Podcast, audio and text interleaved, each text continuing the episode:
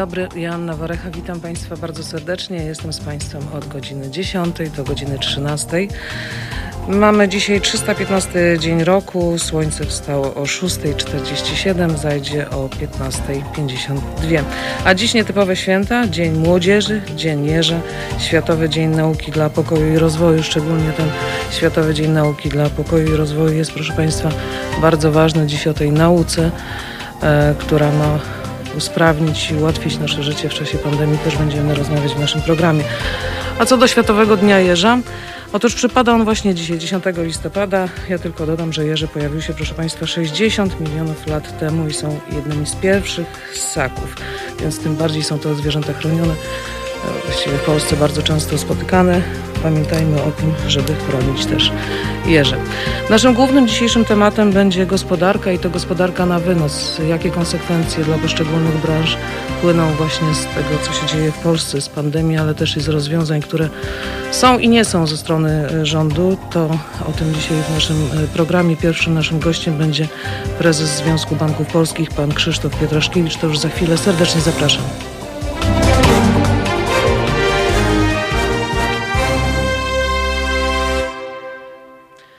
Gospodarka na wynos, y, czyli jakie konsekwencje dla przedsiębiorców, dla nas zwykłych obywateli y, niesie pandemia. O tym w rozmowie mną, moim pierwszym gościem, panem Krzysztofem Pietraszkiewiczem, prezesem Związku Banków Polskich. Dzień dobry, panie prezesie, czy się słyszymy? Jeszcze się nie słyszymy, już za chwilę będzie to połączenie. Proszę Państwa, wrócę na chwilę do tego, co wczoraj zobaczyła cała Polska. Mm, Reportaż Marcina Gutowskiego z TVN24, który właściwie wstrząsnął opinią publiczną i echa tego reportażu słychać już nie tylko dziś, ale wczoraj. Bardzo mocno był on komentowany. Przyznam się Państwu, że jako osoba wierząca już od lat y, mówiąca o tym, żeby doszło do rozdziału Kościoła od państwa, że jako osoba należąca do tego Kościoła chcę po prostu tylko ja wyłącznie łożyć na to, e, na, na moją wiarę i to jest moja osobista sprawa, a nie, a nie sprawa państwa. Podobnie jak moje ciało jest moją sprawą osobistą, a nie sprawą państwa i nie chcę, żeby nacjonalizowano polskie dusze i polskie kobiety. Do tego tematu na pewno jeszcze będziemy dzisiaj wracać. Natomiast jest już z nami pan Krzysztof Pietraszkiewicz, prezes Związku Banków Polskich. Dzień dobry panie prezesie, witam serdecznie. Dzień dobry pani redaktor, dzień dobry państwu, witam serdecznie. Dziś rozmawiamy o gospodarce na wynos i o konsekwencjach, jakie dla nas zwykłych obywateli, ale też i dla przedsiębiorców niesie ta sytuacja. Sytuacja trudna, e, w jaki sposób staraliśmy się uporać z tym pierwszym etapem pandemii. Jak to wygląda w tej chwili? Już wiemy, że coraz mniej Polaków gromadzi oszczędności, ale też coraz więcej e, Polaków ma problemy ze spłatą kredytów. Jaka jest oferta w tym trudnym czasie właśnie banków, e, e, związku, który pan, e, który pan reprezentuje? Mm, Pani redaktor, e, przede wszystkim e, e, my musimy pamiętać, że banki są takimi instytucjami, które z jednej strony przyjmują e, oszczędności od e, setek tysięcy czy, czy wielu milionów naszych obywateli i e, przede wszystkim muszą e, zapewnić bezpieczeństwo tych oszczędności. To jest problem w Polsce, to jest problem na całym świecie, taka jest rola banków. Drugą rolą banków jest oczywiście pożyczek i kredytów e, osobom i przedsiębiorstwom, które posiadają zdolność kredytową, czyli zdolność do spłacenia tej pożyczki i kredytu w określonym czasie, żeby można było w określonym czasie zwrócić e, te oszczędności, depozyty e, klientom, którzy mieli nadwyżki oszczędności i chcieli te pieniądze przechowywać w bankach. W czasie pierwszej odsłony pandemii, bo to jest e, istotna część Pani pytania, banki widząc, myśmy obserwowali sytuację w Chinach w grudniu, w styczniu, w lutym i braliśmy pod uwagę to, ta epidemia się rozprzestrzeniać i tutaj nie myliliśmy się. I podjęliśmy przygotowania, żeby poważna część sektora mogła działać zdalnie i żeby mogła zaoferować usługi płatniczo-rozliczeniowe, bo to jest ten no, element takiego podstawowego funkcjonowania państwa, tak jak energia, jak woda, jak inne usługi powszechnie, które traktujemy, że one muszą być dostępne, podobnie z usługami bankowymi. 90% naszych rodaków e, korzysta z usług bankowych, więc zapewniliśmy mm, dostęp do usług bankowych także w sposób zdalny, żeby y, ludzie nie musieli zarażać, żeby nie dochodziło do zarażeń, żeby nie musieli stać w kolejkach. No i tutaj to był ciężki okres, nie ukrywajmy, ponieważ bardzo wiele instytucji pozamykało swoje kasy, pozamykało swoje okienka i powiedziało, pro, proszę idźcie do banków. No tak trochę jakby w bankach pracowały automaty, jakby tam nie pracowały panie i młodzi panowie, którzy mają dzieci, którzy też musieli opiekować się swoimi dziećmi. Dlatego myśmy dość szybko podjęli przygotowania, żeby część pracy pracowników bankowych mogła być wykonywana także zdalnie i na szczęście jesteśmy branżą w Polsce jedną z najbardziej technologicznie zaawansowanych i udało się to zrobić. I to była ta sprawa rozwiązana płatniczo-rozliczeniowym. Podnieśliśmy również płatności e, bezstykowe, wartość płatności bezstykowych przy użyciu kart. E, na dużą skalę także rozwinęły, rozwinęły się płatności mobilne przy użyciu Blika i rozwiązań podobnych. I z tego rzeczywiście, z tych, tak, i, i, z tych rozwiązań e, Polacy korzystają. To są te rozwiązania, I które... warto, warto to promować, tak. Warto to promować ponieważ 90 ponad procent płatności przy użyciu kart są to płatności bezstykowe. No ale były kolejne elementy. Wiedzieliśmy, że w trudnej sytuacji mogą się znaleźć torcy. I rzeczywiście zaproponowaliśmy tym klientom, którzy obawiali się, że stracą e, pracę lub będą mieli przerwach, przerwy w pracy, skorzystanie z moratorium pozaustawowego, czyli dobrowolne bankowe moratorium kredytowe, dla tych osób, które przerwały pracę, czy, czy zakłady ich pracy, czy ich przedsiębiorstwa różnej wielkości e, przestały normalnie funkcjonować, więc niektórzy skorzystali z miesięcznego, niektórzy trzymiesięcznego, niektórzy sześciomiesięcznego moratorium kredytowego.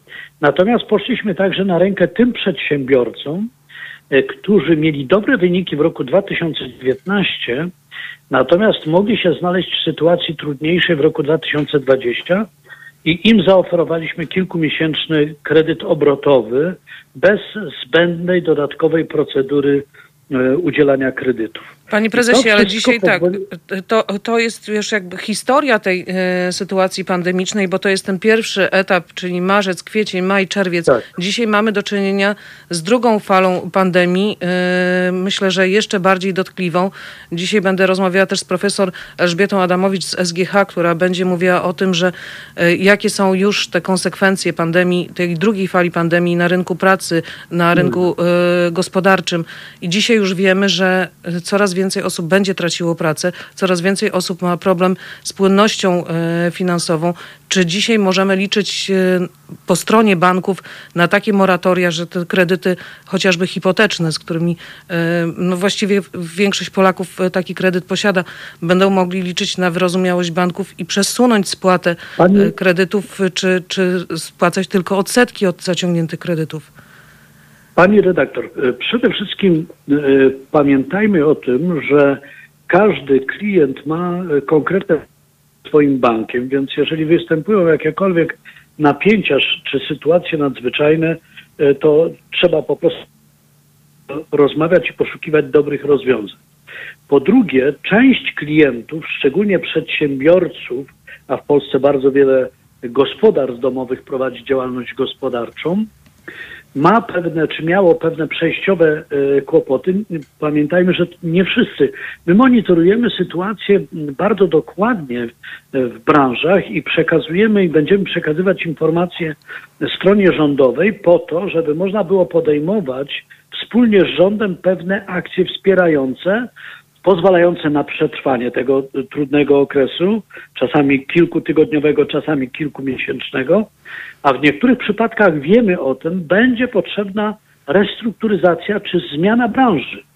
E, to nie wszędzie, ale wiemy dzisiaj już na pewno hotele, restauracje, przedsiębiorstwa transportowe, e, organizacje i firmy eventowe e, mają problemy i także kooperanci tych E, przedsiębiorców i e, tych osób prowadzących taką e, działalność.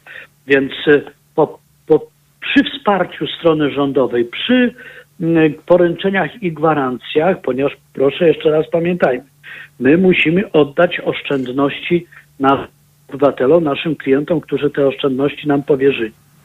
E, Na pewno takie programy e, wsparcia pomocowe, bardziej ukierunkowane, e, będą e, i będą realizowane. E, Sądzę, że w najbliższych dniach i tygodniach rząd będzie ogłaszał kolejne tutaj odsłony. Wczoraj mieliśmy spotkanie z Rady Przedsiębiorczości, która regularnie się spotyka, a więc dziewięć największych organizacji, w tym oczywiście Związek Banków, gdzie dyskutujemy o różnych aspektach, jak postępować w tym okresie epidemii. I zależy nam bardzo, żeby jak najwięcej firm, jak najwięcej odbiorców utrzymało swoje normalne e, działania, swoją normalną produkcję i jeśli możliwe także swoje e, usługi. Ale wiemy, że niektórzy przedsiębiorcy będą potrzebowali wsparcia, niektórzy przedsiębiorcy będą potrzebowali restrukturyzacji. I tutaj e, banki uczestniczą bardzo aktywnie w wypracowywaniu e, programu, tego krajowego programu odbudowy finansowanego e, ze środków unijnych w poważnym poważnej mierze, a później liczymy na to, że będziemy mieli dostęp do tych kilkuset miliardów złotych w ramach e, programu Zielonego Ładu, Zielonej Gospodarki. Oczywiście to jest rozłożone na wiele lat. I myślę, że tak będzie, że w niektórych przypadkach, w niektórych przedsiębiorstwach, które będą musiały zamknąć lub ograniczyć swoją działalność, nie we wszystkich, ale w niektórych, one po prostu wykorzystują swój, wykorzystają swój potencjał intelektualny i materialny do tego, żeby zna, zająć się nieco innym rodzajem działalności. Bo my nie zmienimy przy obaw e, obywateli, my nie zmienimy obaw konsumentów, którzy nie będą chcieli korzystać z niektórych usług, nie będą mogli przez ileś miesięcy, a być może nawet lat korzystać z niektórych usług. W związku z tym na pewno będziemy wspierali wspólnie ze stroną państwową procesy restrukturyzacji, zmian profilu działalności. I trzeba się na to otworzyć. Wielu przedsiębiorców już to uczyniło. Ja muszę powiedzieć, że z wielkim podziwem naprawdę obserwuję sam osobiście działanie niektórych, czy to restauracji, czy niektórych e, hurtowni, czy niektórych sklepów, które po prostu przeszły na inne formy działalności. Dzięki temu e, czy, czy utrzymują swoją produkcję. Myślę tutaj o sprzedaży produktów żywnościowych e, na wynos. Myślę tutaj o cudzysłów wypożyczeniu części swojej załogi, w cudzysłowie to oczywiście powiedziałem, do tego, żeby wykonywali pracę. Część osób na przykład przeniosła się do tego handlu i do dostarczania pewnych dóbr, produktów e, z hurtowni już nie poprzez sklepy, tylko bezpośrednio poprzez ten zdalny elektroniczny handel. Tam obserwujemy bardzo wysokie e, przyrosty e, tej działalności gospodarczej. Przecież tego nie robią krasnoludki, tylko robią konkretne osoby, które wcześniej pracowały w innych miejscach, a teraz używając własnych czy wypożyczonych samochodów, leasingowanych samochodów, zajmują się po prostu tego rodzaju, rodzajem działalności. Panie I prezesie, oczywiście mhm. przepraszam, tak, że wchodzę w panu, wchodzę w słowo. Tak, e, Przekwalifikowywaniu niektórych pracowników, ale to przyszłość. No właśnie, e, przekwalifikowanie się na e, inne zajęcia, na, inne, e, na inną działalność wymaga też czasu. Wiemy, w jakim jesteśmy niestety czasie, w czasie pandemicznym, gdzie właściwie świat przechodzi do internetu i w tej realności jest coraz trudniej. Natomiast wspomniał Pan o tych pracach, które są prowadzone wspólnie z rządem, że za kilka tygodni będzie konkretna oferta dla przedsiębiorców. Mówił Pan o tym, że bardzo Państwo też liczycie na te środki z Unii Europejskiej. Tymczasem te środki są połączone z praworządnością, więc mam nadzieję, że polski rząd nie będzie się posługiwał, tak jak jest to w retoryce e, polskiego rządu, że naciśnie guzik e, atomowy i jakby nie, nie zgodzi się na to. Nie, ja myślę, że e, pani redaktor, że wszyscy jesteśmy tutaj e, pragmatyczni, wszyscy chcemy być, wszyscy, ja mówię o, o, rozsądnych, doświadczonych ludzie, ludziach, e, e, chcemy wziąć odpowiedzialność za pokojową przyszłość Europy. Wszyscy chcemy żyć w przestrzeni, z której nie będą wychodzić jakieś spory, konflikty i trzeba znaleźć e, mądry sposób porozumiewania się.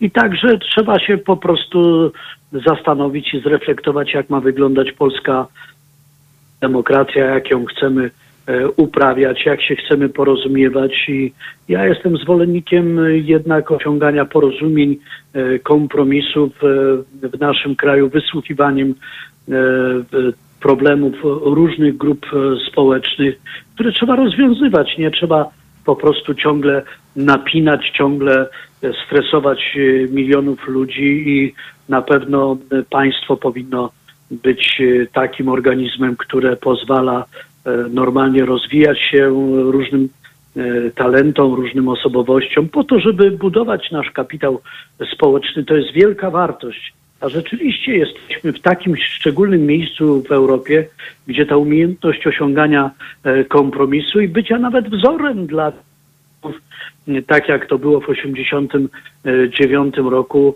e, taką rolę, taką e, misję powinniśmy sobie e, przypisywać. Mamy ważną sprawę, żeby e, talenty ludzi, Ich ciężką pracę, wy, wypracowaną pokoleniami już w, te, w tej Tak, chwili, bo wchodzi żeby kolejne ona pole. była wykorzystywana, żeby ona służyła na, dzisiaj ochronie zdrowia, żeby służyła wzbogacaniu się, godnemu życiu i, i jednocześnie szanowaniu, poszanowaniu godności wszystkich obywateli. I ja jeszcze ciągle powtarzam, my nie jesteśmy w Europie na niby. My nie jesteśmy w Unii Europejskiej na niby. Jeśli mamy jakieś problemy, jeśli chcemy kogoś przekonać do, do naszych idei, to trzeba po prostu siadać, zapraszać do tego najtęższe umysły polskie i, i międzynarodowe. Przede wszystkim no, służyć pokojowi, stabilnemu wzrostowi, rozwojowi. Dzisiaj także musimy znaleźć sposób i mądrą drogę do porozumiewania się e, z wielkim e, państwem, e, wieloma narodami chi- chińskimi, bo to jest przecież kilkadziesiąt narodowości. Państwo, które wielką rolę odgrywa i odgrywać będzie w świecie. Podobnie jak i mamy też nową sytuację w Stanach Zjednoczonych. Zjednoczonych wierzę, że będzie nowy też sposób porozumiewania się Panie z prezesie, tą najpotężniejszą gospodarką w świecie. Panie prezesie, jedną z pierwszych informacji, pamiętam to wystąpienie premiera, kiedy wprowadzono e, lockdown e, w, w marcu, była informacja i takie zapewnienie, proszę państwa, e, wasze pieniądze w bankach są bezpieczne.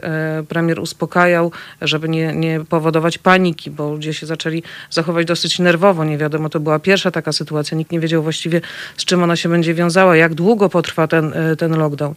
E, Dzisiaj e, właściwie to pan powinien powiedzieć, że bezpieczne są pieniądze Polaków w bankach, żeby nie było żadnych ruchów nerwowych, bo ta sytuacja, miejmy nadzieję, jest sytuacją przejściową, a nie trwałą na kilka miesięcy. E, Pani redaktor, to, że pieniądze są bezpieczne, świadczy kilkadziesiąt ostatnich lat. Proszę zauważyć, że pomimo e, tego, że e, kilkaset banków e, zakończyło swoją działalność, to ludzie w bankach nie stracili swoich oszczędności. Za bezpieczeństwem tych oszczędności stoją fundusze własne polskiego sektora bankowego, które przekraczają 220 miliardów złotych i wiele miliardów złotych ulokowanych, zgromadzonych specjalnie w Bankowym Funduszu Gwarancyjnym. Natomiast za bezpieczeństwo e, depozytów, czy za bezpieczeństwem depozytów stoi także jakość portfela kredytowego, bo to, gdzie mogą banki, mogłyby banki e, ewentualnie e, prowadziły złą działalność, stracić pieniądze, to na złych kredytach. Dlatego, dlatego tak pilnujemy jakości portfela kredytowego w Polsce. Natomiast jest inne zagadnienie, które jest o wiele dzisiaj ważniejsze e, poza stabilnością, to jest zdolność do finansowania rozwoju. I niestety od 2012 roku obserwowaliśmy stopniowe zmniejszanie zdolności polskiego sektora bankowego do finansowania rozwoju na skutek absurdalnych, wysokich obciążeń parafiskalnych i fiskalnych oraz ograniczeń stopniowo s- e, polskie banki mogły finansować mniej e, polskie przedsiębiorstwa. I o tym dyskutujemy z rządem i o tym tego dotyczy pewien spór, ponieważ jeżeli porównamy, pomimo ogromnego postępu, jaki się dokonał w ostatnich 30 latach, wielkość tych funduszy własnych w stosunku do PKB, jeżeli porównamy oszczędności w bankach w stosunku do PKB, jeśli porównamy kredyty udzielone przez banki do produktu krajowego brutto, to Polska zajmuje jedno z końcowych miejsc Miejsc. w całej Unii Europejskiej. Czyli krótko mówiąc, te nadwymiarowe, absurdalne, najwyższe w świecie, jakie zostały nałożone na polski sektor bankowy, powodują, że w kraju, w którym mamy stosunkowo, mieliśmy wzrost, wysoki wzrost gospodarczy, zdolność banków po prostu siadała, mówiąc kolokwialnie, zmniejszała się. I to trzeba przełamać, bo w społecznej gospodarce rynkowej po prostu wykorzystanie prywatnych oszczędności obywateli do finansowania gospodarki, do finansowania rozwoju, do budowania bogactwa ogółu obywateli jest bardzo, bardzo potrzebne. Czyli musi być to kombinacja finansowania własnego przez ludzi, którzy mają pieniądze, finansowania bankowego, finansowania z rynku kapitałowego, finansowania budżetowego.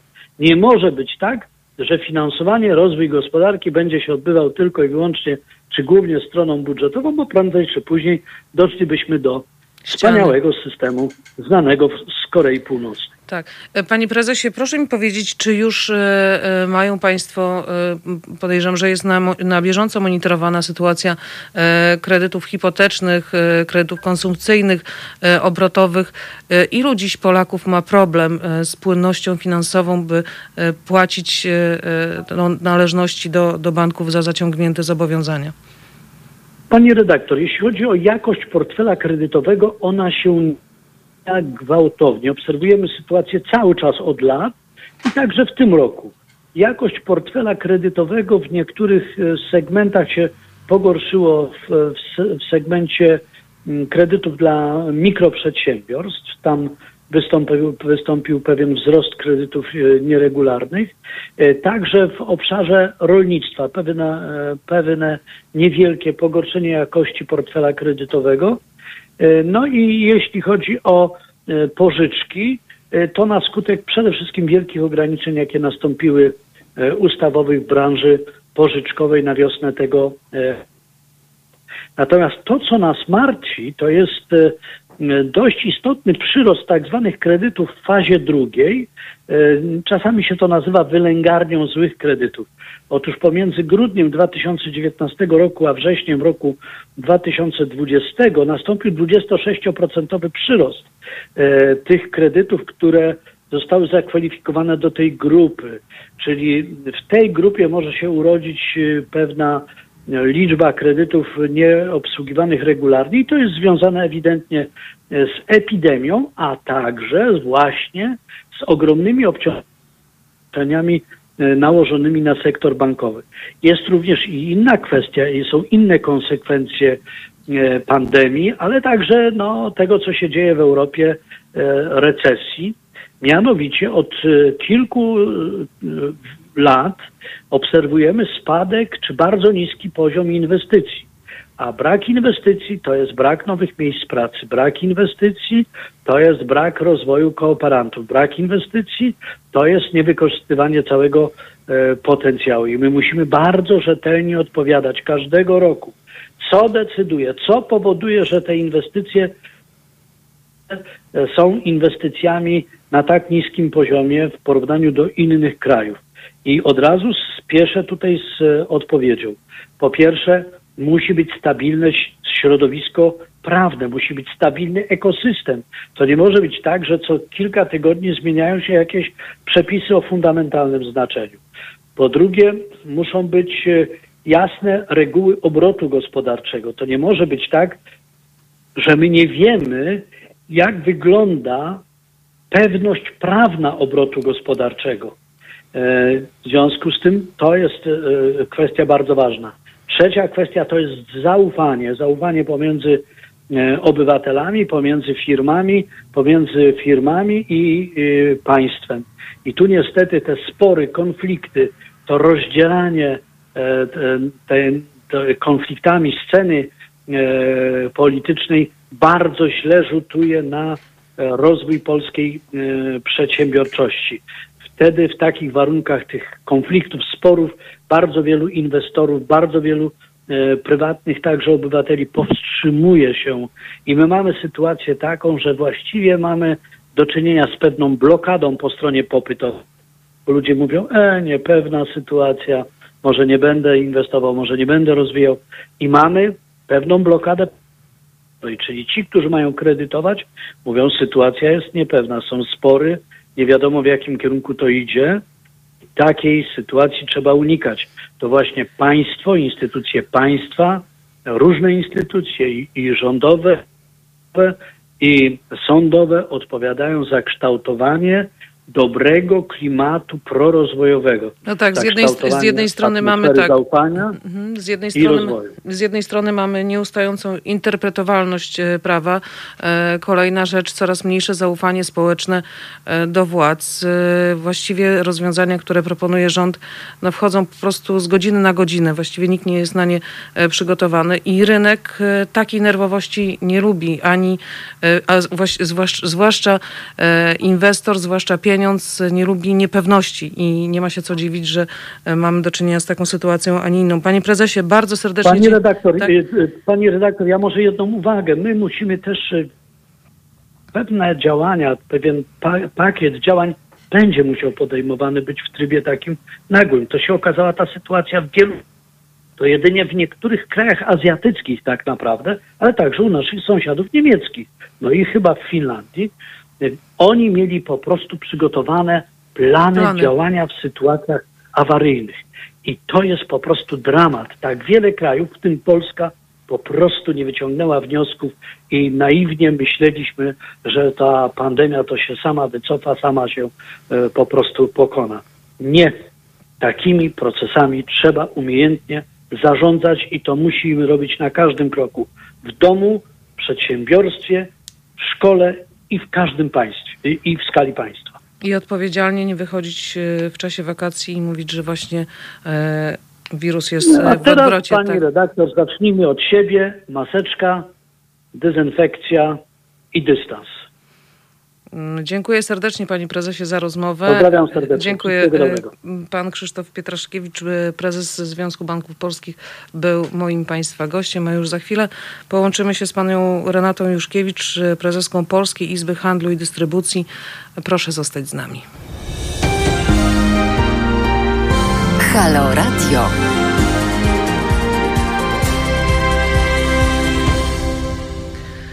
Halo Radio, dziękujemy, że są Państwo z nami po takiej dawce wspaniałej muzyki, aż chce się żyć. Tym bardziej, że jak patrzy się za okno, to szaro, buro, brak słońca. E, Jestem ciekawa, jak u Państwa za oknem. Zapraszamy do e, naszego czatu. Jesteśmy na halo.radio live na YouTubie. E, Czekamy na Państwa i opinie, i, i zdjęcia. Zachęcamy do uczestniczenia mm, w naszym programie. A z nami jest już pani Renata Juszkiewicz, prezes Polskiej Izby Handlu i Dy- Dystrybucji. Halo, dzień dobry pani prezes, czy się słyszymy? Tak, dzień dobry, słyszymy się. Dzień dobry. Dziś w naszym programie zajmujemy się, e, może to kontrowersyjne e, hasło, ale gospodarką na wynos, tym, co się dzieje mm, e, w, w polskiej rzeczywistości w czasie pandemii. Ten pierwszy etap w marcu, w kwietniu, w maju to jest zdany egzamin przez polski handel, bo właściwie to na handlu, na, na osobach tam zatrudnionych opieraliśmy to zaufanie. E, Ten pierwszy etap mamy za, za sobą. Jak dziś wygląda sytuacja? E, Dzisiaj sytuacja wygląda bardzo podobnie. To znaczy, my od początku e, przy pierwszej fali pandemii pokazaliśmy, że jesteśmy w stanie zabezpieczyć nasze placówki handlowe w ten sposób, żeby pracownicy i konsumenci czuli się bezpiecznie. To znaczy, na poziomie zakażeń nasze statystyki wykazują, że przy, przy ilości klientów, które nas odwiedzają dziennie, tak naprawdę y, mamy zakażenia na poziomie 0,4%, a tak zwane zakażenia poziome, czyli pracownik-pracownik, to jest odsetek 0,6 setnych. Czyli tak naprawdę nie mamy praktycznie w ogóle zakażeń, jeśli możemy tak to ująć w tej skali, ponieważ zatrudniamy 200 tysięcy osób. Akurat organizacja, którą ja reprezentuję, tyle osób zatrudnia. Co pokazuje, że firmy stanęły na wysokości zadania. Wydaliśmy na ten cel 350 milionów złotych na wszelkie środki zabezpieczające, żele dezynfekujące, rękawice, y, przyłbice, y, maseczki, specjalne y, strefy, czyli wydzielone dla pracowników, tak żeby oni mogli się spokojnie przemieszczać i na zapleczu, i na, i na terenie sklepu, wydzielone linie, gdzie y, pe- klienci się ustawiają, komunikacja cały czas z klientami na okrągło, plus specjalne te, te takie właśnie te ścianki pleksji, które oddzielają kasjerów od, od klientów. To wszystko tak naprawdę zrobione było po to, żeby zapewnić bezpieczeństwo i wychodziło to poza rygory i poza wytyczne Głównego Inspektoratu Sanitarnego. Pani prezes, e, straty, jakie e, poniósł handel w tej, na tym pierwszym etapie pandemii, e, w pierwszym lockdownie, szczególnie ta branża niespożywcza, to jest od 30 do 50%, takie są szacunki. Jakie Pani zdaniem straty przyniesie ten drugi lockdown, który jest wielką niewiadomą, dlatego że te decyzje podejmowane przez rząd właściwie zmieniają się z godziny na godzinę, na przykład chociażby branży meblarskiej i sklepów meblowych.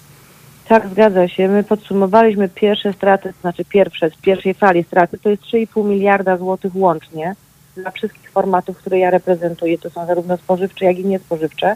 Natomiast tak jak pani redaktor powiedziała, te straty prawdopodobnie się mogą powtórzyć z tego tytułu, że znaczy możliwe, że nie aż w takiej skali liczymy, że nie w takiej skali liczymy bardzo mocno na grudzień. Grudzień jest wyjątkowym miesiącem, gdzie tak naprawdę polskie społeczeństwo wydaje najwięcej pieniędzy w ciągu roku, bo mamy takie przyzwyczajenia, mamy taką tradycję świąteczną, jaką mamy, więc tutaj już zaczynamy tak naprawdę w normalnym okresie czasu, jeśli nie byłoby pandemii, to byśmy już w tym momencie sprzedawali produkty i, i mm, rzeczy związane ze świętami. Natomiast w tym momencie czekamy na decyzję rządu, czy faktycznie uda się przekonać rząd co do naszej racji, że powinniśmy po zakończonym lockdownie, który ma być do końca miesiąca, do 29 listopada, rozpocząć na pełną parę e, po prostu handel włącznie z wszystkimi handlowymi niedzielami, po to, żeby nie doprowadzić do sytuacji, że klienci w panice, w tym, że się denerwują, że nie wiedzą, czy te, czy te, czy te święta będą, czy nie będą, czy, czy coś się wydarzy gorszego, zaczną się po prostu nagle kumulować w sklepach, w jakichś nie wiadomo jakich kolejkach i w tym momencie podniosą się tej słupki pandemii. To, co Pani powiedziała, owszem, decyzje o zamknięciu i otwarciu y, dzieją się z godziny na godzinę my nie nadążamy. To nie tylko chodzi o nas, bo my jako przedsiębiorcy przy takiej skali działania nie możemy podejmować decyzji w ciągu trzech godzin. To jest za mało czasu, żeby sztab ludzi, tak jak powiedziałam, 200 tysięcy osób, przygotować do tego, czy mają przyjść do pracy w dniu jutrzejszym, czy też nie. A tak naprawdę też chodzi o klientów. To, co zauważyliśmy, sklepy na przykład IKEA, IKEA były zamknięte w sobotę, mimo że przez cały piątek media i wszystkie portale podawały informację tę, która poszła w publiczną, publiczną przestrzeń, że będą otwarte.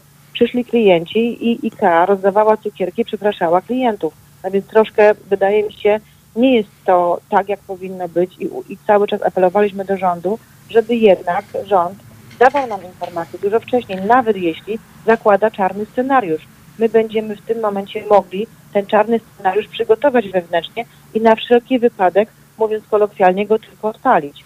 Ale czy te argumenty, przepraszam, mhm, przepraszam, że wchodzę w Pani y, słowo, czy te argumenty o tym, że y, sklepy nie są źródłami zakażeń, że te inwestycje, y, te koszty poniesione przez, przez sieci handlowe, mówi Pani tu o kwocie 350 milionów złotych, czy to nie są argumenty dla rządu? W ogóle jak wygląda też e, w tej chwili ten dialog e, z rządzącymi? Bo widząc po tym, co prezentuje pan e, minister, czy słuchając rzecznika chociażby dzisiaj rano rządu, odnoszę wrażenie, że jakby ta komunikacja była na bardzo, bardzo niskim poziomie albo właściwie w ogóle jej nie było.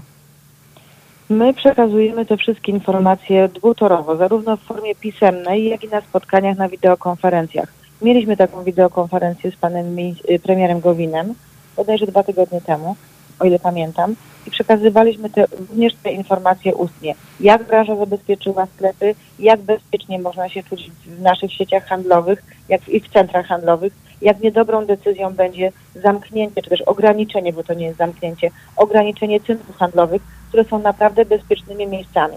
I faktycznie dzisiaj ta frekwencja na tych centrach handlowych, jeszcze przed tym zamknięciem, była na poziomie 50%, co pokazuje, że odległości były utrzymane, żele dezynfekujące były wszędzie.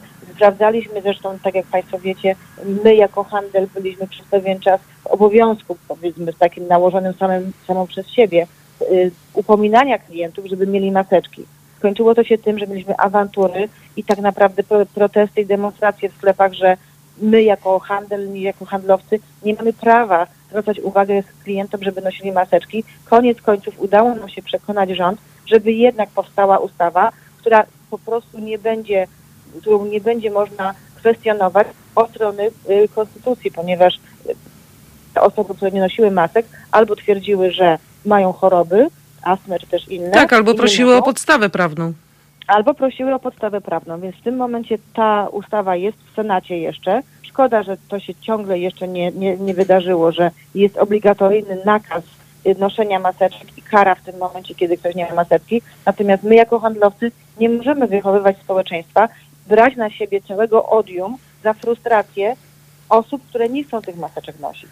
Profesor Horban, doradca do spraw y, zdrowia epidemii premiera Morawieckiego, powiedział, że musi być narodowy, narodowy lockdown. Jakie to będzie miało konsekwencje, pani zdaniem?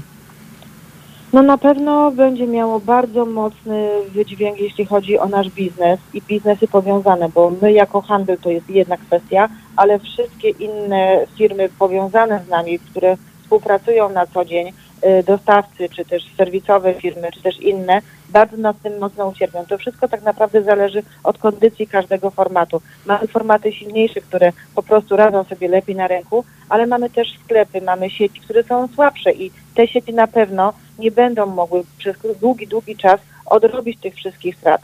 To, co na przykład widzimy w łańcuchu dostaw, trzeba na to patrzeć y, całościowo. Y, Handel jest ostatnim ogniwem, ale żeby do tego wielkopowierzchniowego handlu na tej skali zamówić te zamówienia, to są to, są to długomiesięczne przygotowania i zamówienia długofalowe. Więc my wielokrotnie zostawaliśmy z tym towarem na półce, chociażby taką sytuację mieliśmy przed świętami, kiedy zaopatrzenie było na pełne święta, okazało się, że limity nie pozwoliły nam wpuścić klientów do, do, do sklepu. Klienci się kotłowali na parkingu w wielkich kolejkach, a my mieliśmy sklepy praktycznie puste. Koniec końców nie sprzedaliśmy tego towaru i, i trzeba było ten towar w części oddać, bo do tych wszystkich właśnie jadłodajni czy też innych punktów PCK, natomiast część towaru po prostu nie była w stanie w ogóle nigdzie być zagospodarowana, co przyniosło ogromne straty finansowe dla firm.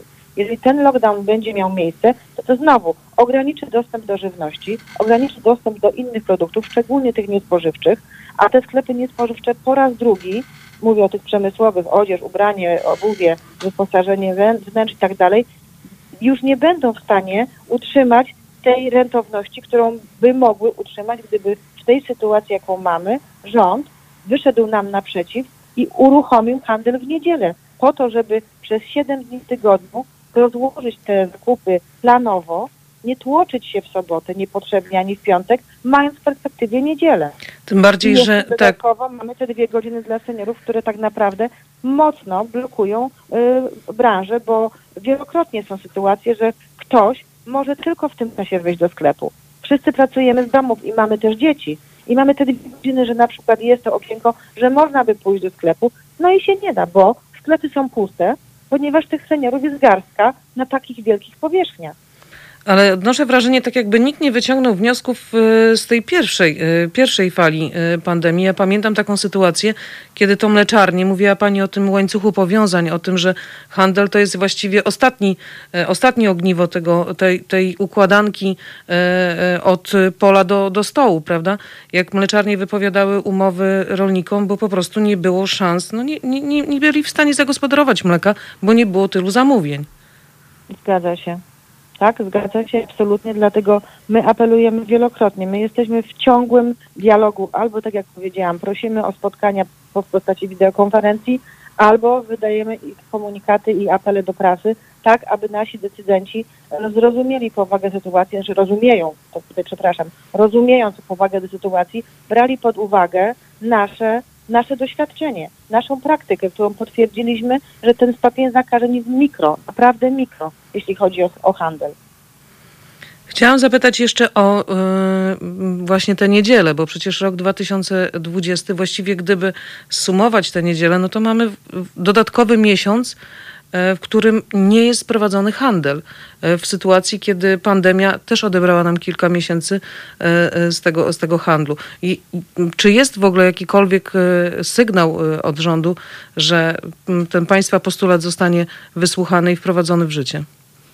Czy sygnał jest taki, że przyznają rację naszym argumentom, rząd przyznaje rację naszym argumentom, jednakowoż nie ma decyzji. Co więcej, w grudniu mamy sytuację, powiedziałabym, patową, ponieważ 24 w Wigilię zamykamy sklepy dużo wcześniej, w południe, i otwieramy je dopiero 28, ponieważ 27 wypada niedziela niehandlowa. Czyli mamy Wigilię w połowie dnia, pierwszy dzień świąt, drugi dzień świąt i trzecią, trzeci dzień wolny od handlu to jest niedziela. 3,5 dnia dla łańcucha dostaw, dla zamówień, dla dostaw, które po prostu są realizowane i produktów które świeżych, które zostaną na półkach, to jest absolutnie no, niemożliwe, żeby można było to zagospodarować. To są ogromne, to będą ogromne straty, a dla społeczeństwa totalny dyskomfort. 3,5 dnia bez dostępu do świeżej żywności. Pani Renato, e, właściwie, nie wiem, milczenie chyba jest najlepszym komentarzem, ale nie chciałabym kończyć tak naszej rozmowy. Chciałabym zakończyć optymistycznie, co my jako konsumenci możemy e, zrobić.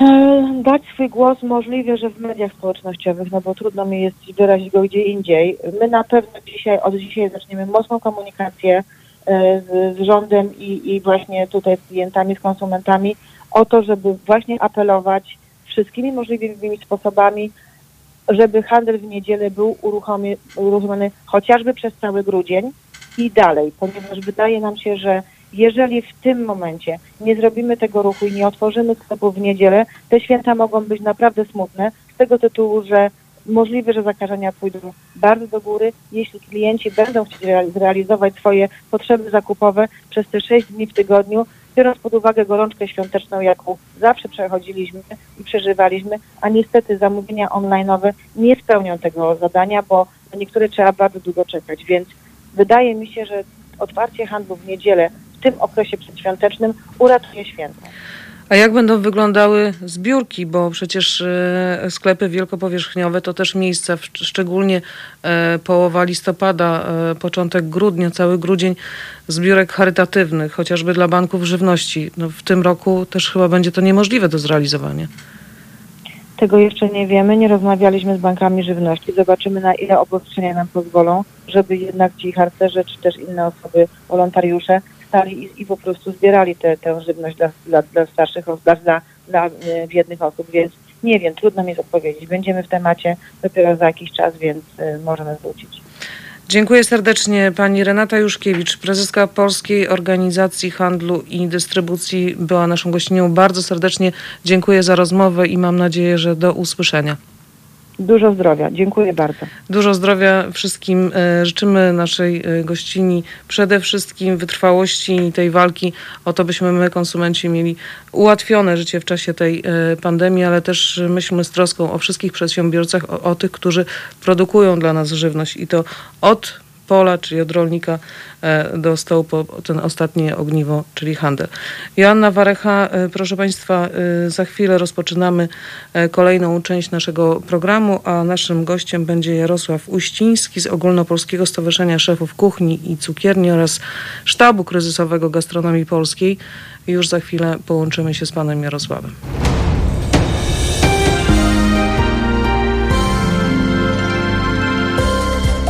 Halo Radio. Pierwsze medium obywatelskie.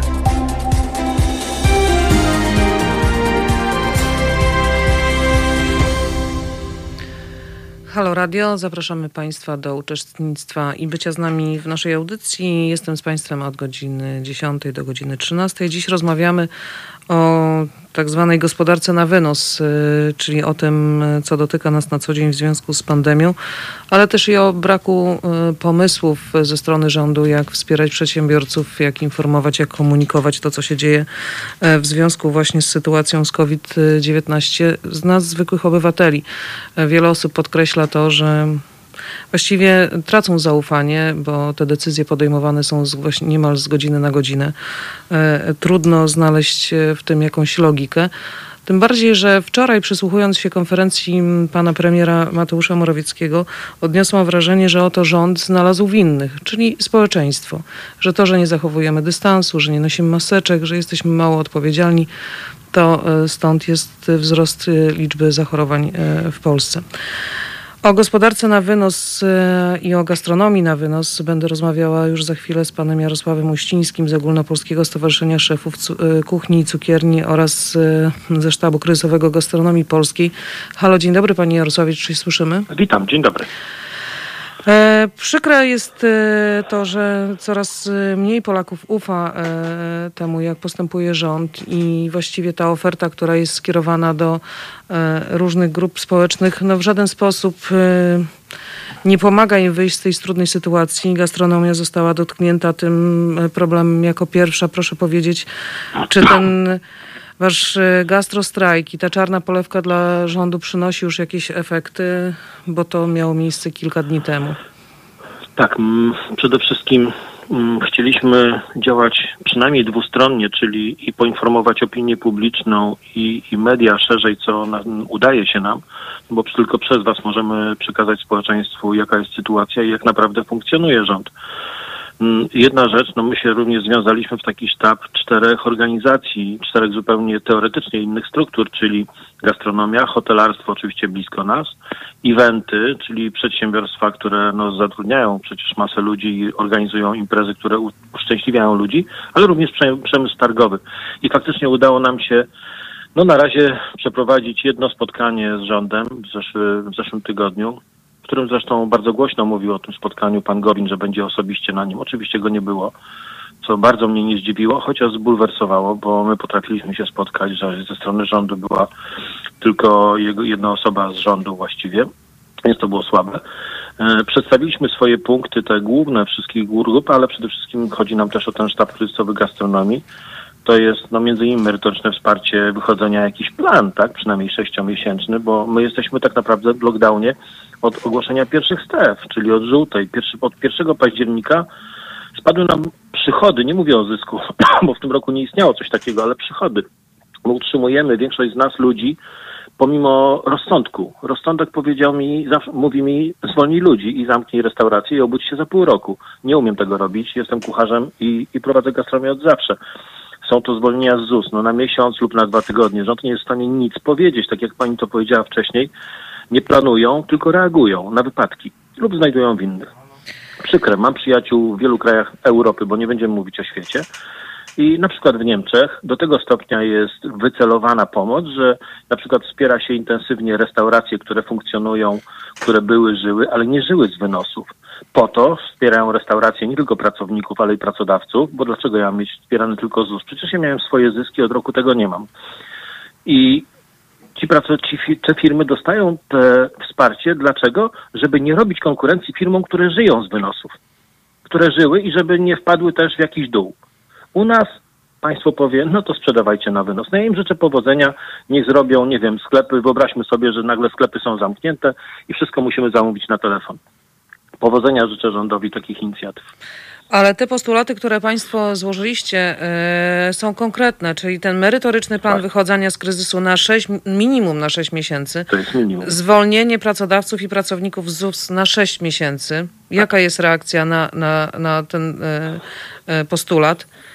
W ogóle nie ma reakcji, tylko je przyjęli, to znaczy przedstawiliśmy je. Na ten moment nie przyjęli żadnego. Oczywiście tam dwa dni wcześniej e, premier przedstawił te 10 punktów, ale one są tak rozległe jak mowa polityczna, czyli polityk mówi, mówi, mówi, a tak naprawdę zero konkretów.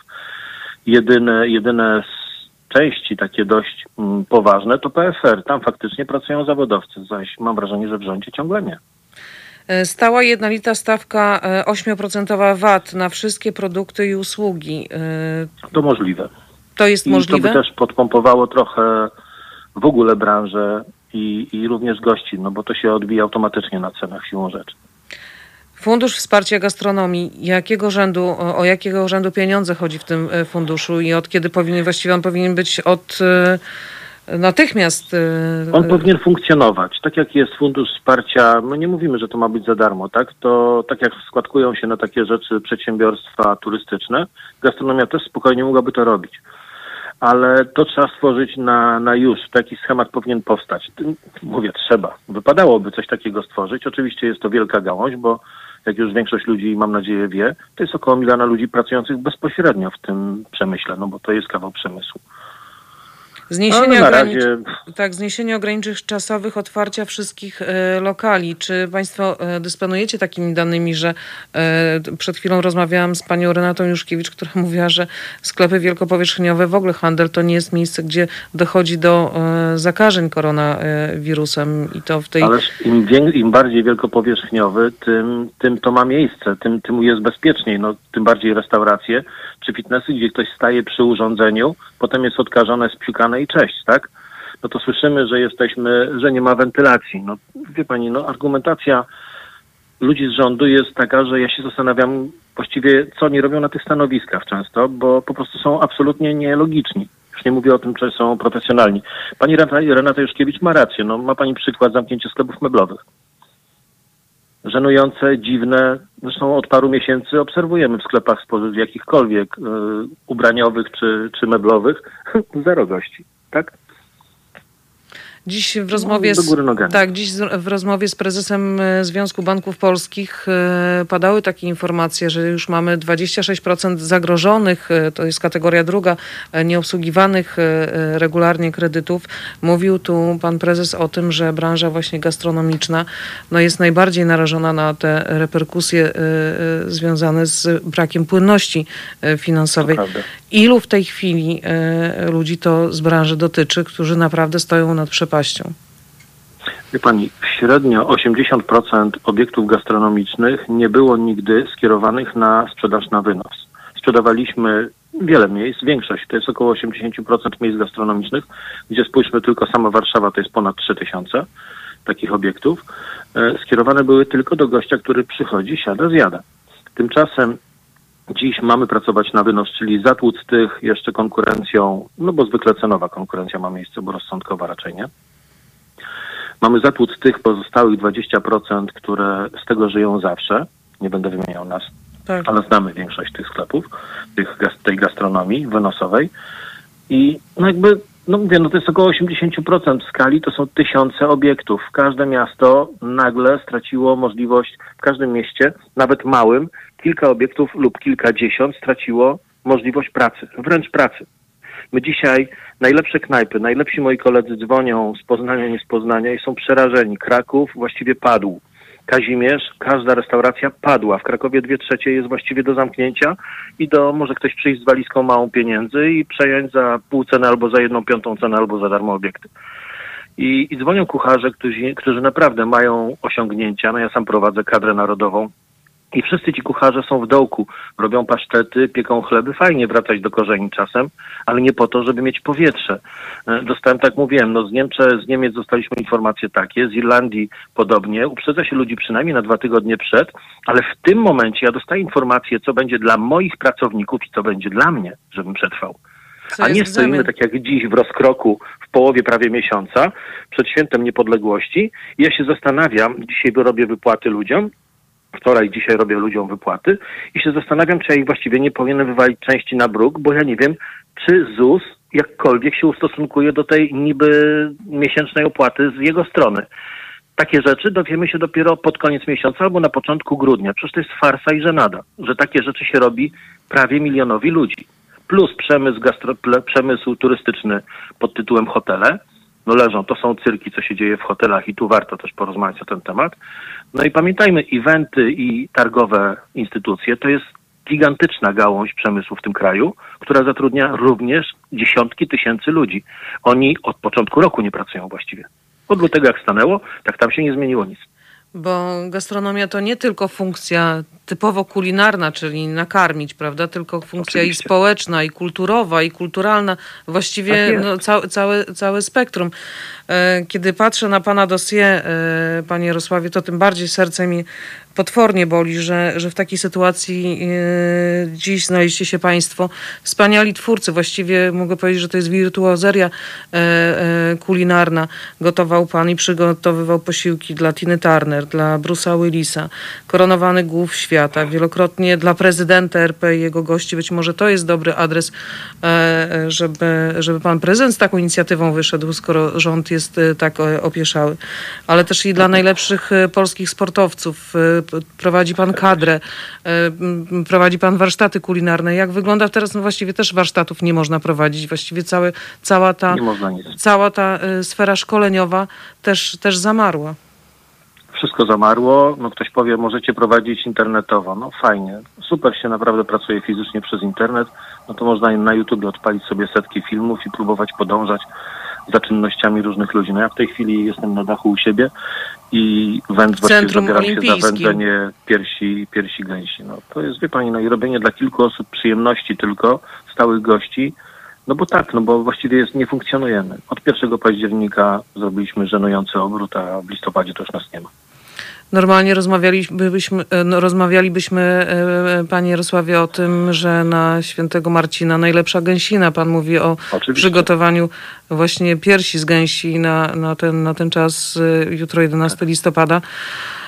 Co będzie z rogalami świętomarcińskimi? To wszystko gdzieś gdzieś odchodzi w, ta, tak, w, tak, w tak dramatyczny sposób, zwłaszcza, że my konsumenci, ja pamiętam ten zryw w, w tym pierwszym lockdownie, e, pamiętam te też oferty, że oto na święta Wielkiej Nocy nie przygotowujcie nic, tylko dajcie szansę, my wam świetnie przygotujemy zestawy. I to było fantastyczne, jak ludzie się wszyscy razem mobilizowali.